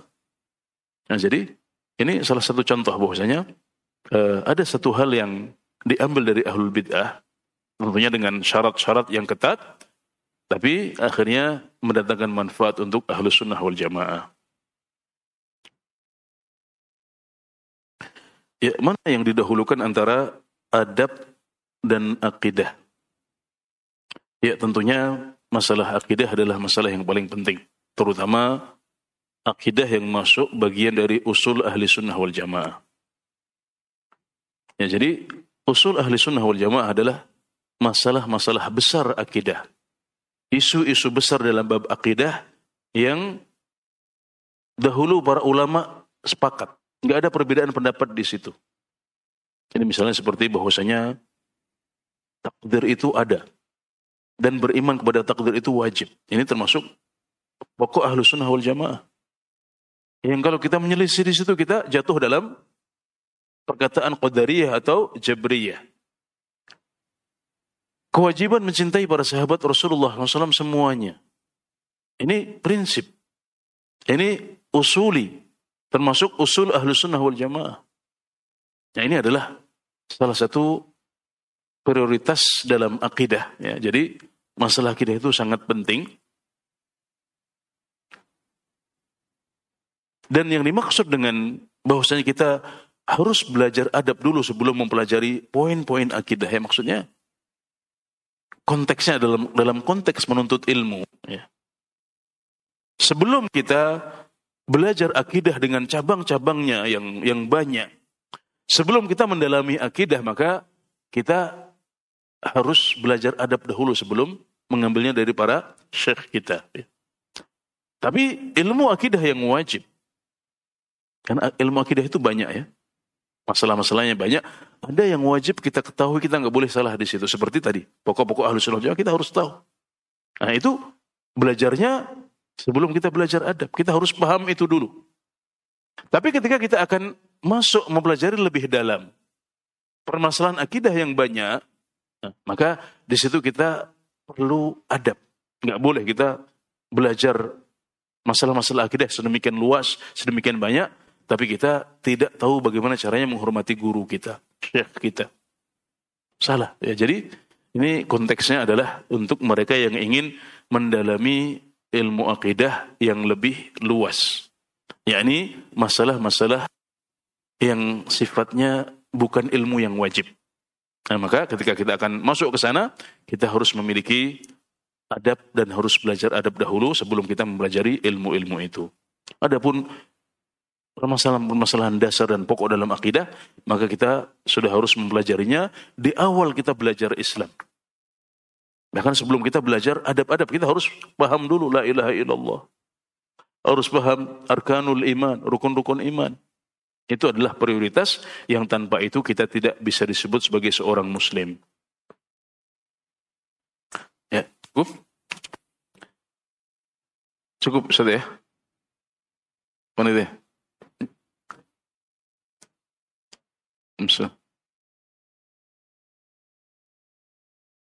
Ya.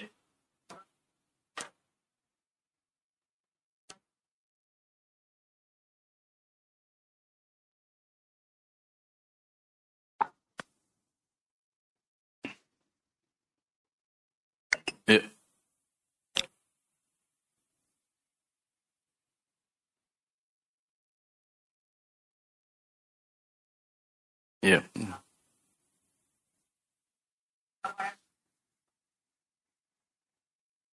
Oke, okay, baik. Hmm.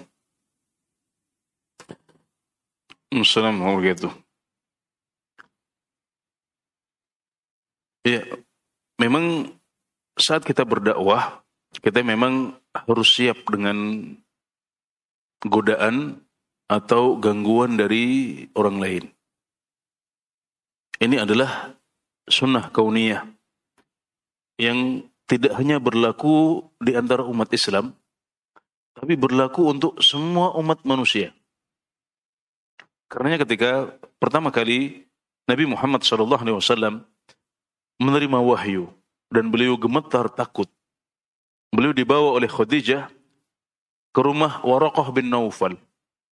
Salah seorang pendeta, pendeta Nasrani di Mekah yang masih bertahan di atas tauhid. Ketika Nabi Muhammad SAW bercerita kepada Waraqah bin Naufal tentang apa yang beliau alami, Waraqah langsung tahu bahwasanya ini adalah malaikat yang dahulu turun kepada Nabi Musa alaihissalam. Maka kemudian beliau mengatakan, kalau seandainya aku masih hidup, saat nanti kaummu mengusirmu dari negerimu, maka aku akan ikut andil dalam membelamu. Ini tekadnya Waraqah bin Nawfal. Kalau seandainya hari itu tiba, yaitu saat engkau berdakwah, aku masih hidup, aku akan membelamu, wahai Muhammad. Nabi kaget. Wahai paman, awa mukhrijiyahum, apakah mereka akan mengusir saya dari Mekah? Jadi, seorang pendeta dengan ilmu yang beliau miliki, bisa mengatakan bahwasanya Rasulullah akan diusir dari Mekah. Padahal ini belum ngapa-ngapain beliau. Baru dapat wahyu. Baru dapat surat Al-Alaq ya. Baru lima ayat pertama di surat Al-Alaq sudah dikatakan mau diusir. Kaget beliau. Maka jawaban Warqah bin Naufal, beliau menjelaskan ini adalah sunnah kauniyah. Boleh mengatakan, tidak ada seorang pun yang datang dengan hal ini, yang dengan kebenaran yang engkau bawa ini, kecuali dia akan disakiti. Nah, jadi, orang yang sudah belajar, ingin berdakwah, dia harus siap mental. Ketika Anda datang ke masyarakat, menyampaikan dakwah, menjelaskan akidah, menjelaskan hal-hal yang menyimpang, maka mereka tidak akan mengalungi Anda dengan bunga. Nah kadang-kadang yang digalungkan adalah celurit. Yang dilemparkan adalah kotoran sebagaimana yang telah dialami oleh Rasulullah SAW. Apa kurangnya Nabi Muhammad SAW? Ilmu beliau yang lengkap dukungan dari Allah Subhanahu wa taala, akhlak beliau yang luar biasa. Tapi toh penduduk Mekah pada awalnya menolak beliau, mengusir beliau. Ya, berusaha untuk membunuh beliau itu yang terjadi. Maka cara sabarnya adalah ingat bahwasanya ini adalah sunnah kauniyah. Yang kedua ingat bahwasanya apa yang kita hadapi belum ada apa-apanya dibandingkan dengan apa yang diajarkan oleh dengan apa yang dialami oleh Rasulullah Shallallahu Alaihi Wasallam Yang ketiga, ingat bahwasanya ini adalah tambahan pahala. Ingat bahwasanya saat kita menyampaikan, kita nggak ditarget untuk memberikan hidayah kepada mereka. Nabi Allah Subhanahu wa taala tidak mentargetkan kita untuk mereka harus ikut apa yang kita ucapkan. Tapi Allah memerintahkan kita untuk menyampaikan. Jadi kemampuan seorang muslim, seorang dai adalah menyampaikan saja. Kalau sudah disampaikan, sudah. Alhamdulillah. Kita doakan kepada Allah semoga itu bisa diterima oleh masyarakat yang kita dakwahi. Jadi adanya gangguan, adanya kata-kata yang nyelekit, adanya penolakan, adanya gelar-gelar buruk yang disematkan kepada kita.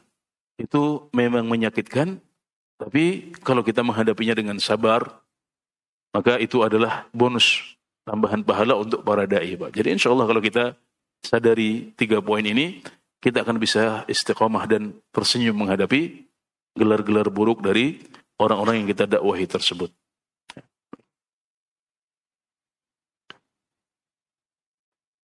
Ya, panitia sudah cukup katanya, maka Alhamdulillah kita berhasil bersama-sama membahas setengah dari kitab Ta'limul Ilmi yang intinya adalah bahwasanya semakin kita mengagungkan ilmu maka kita akan semakin mudah mendapatkan ilmu.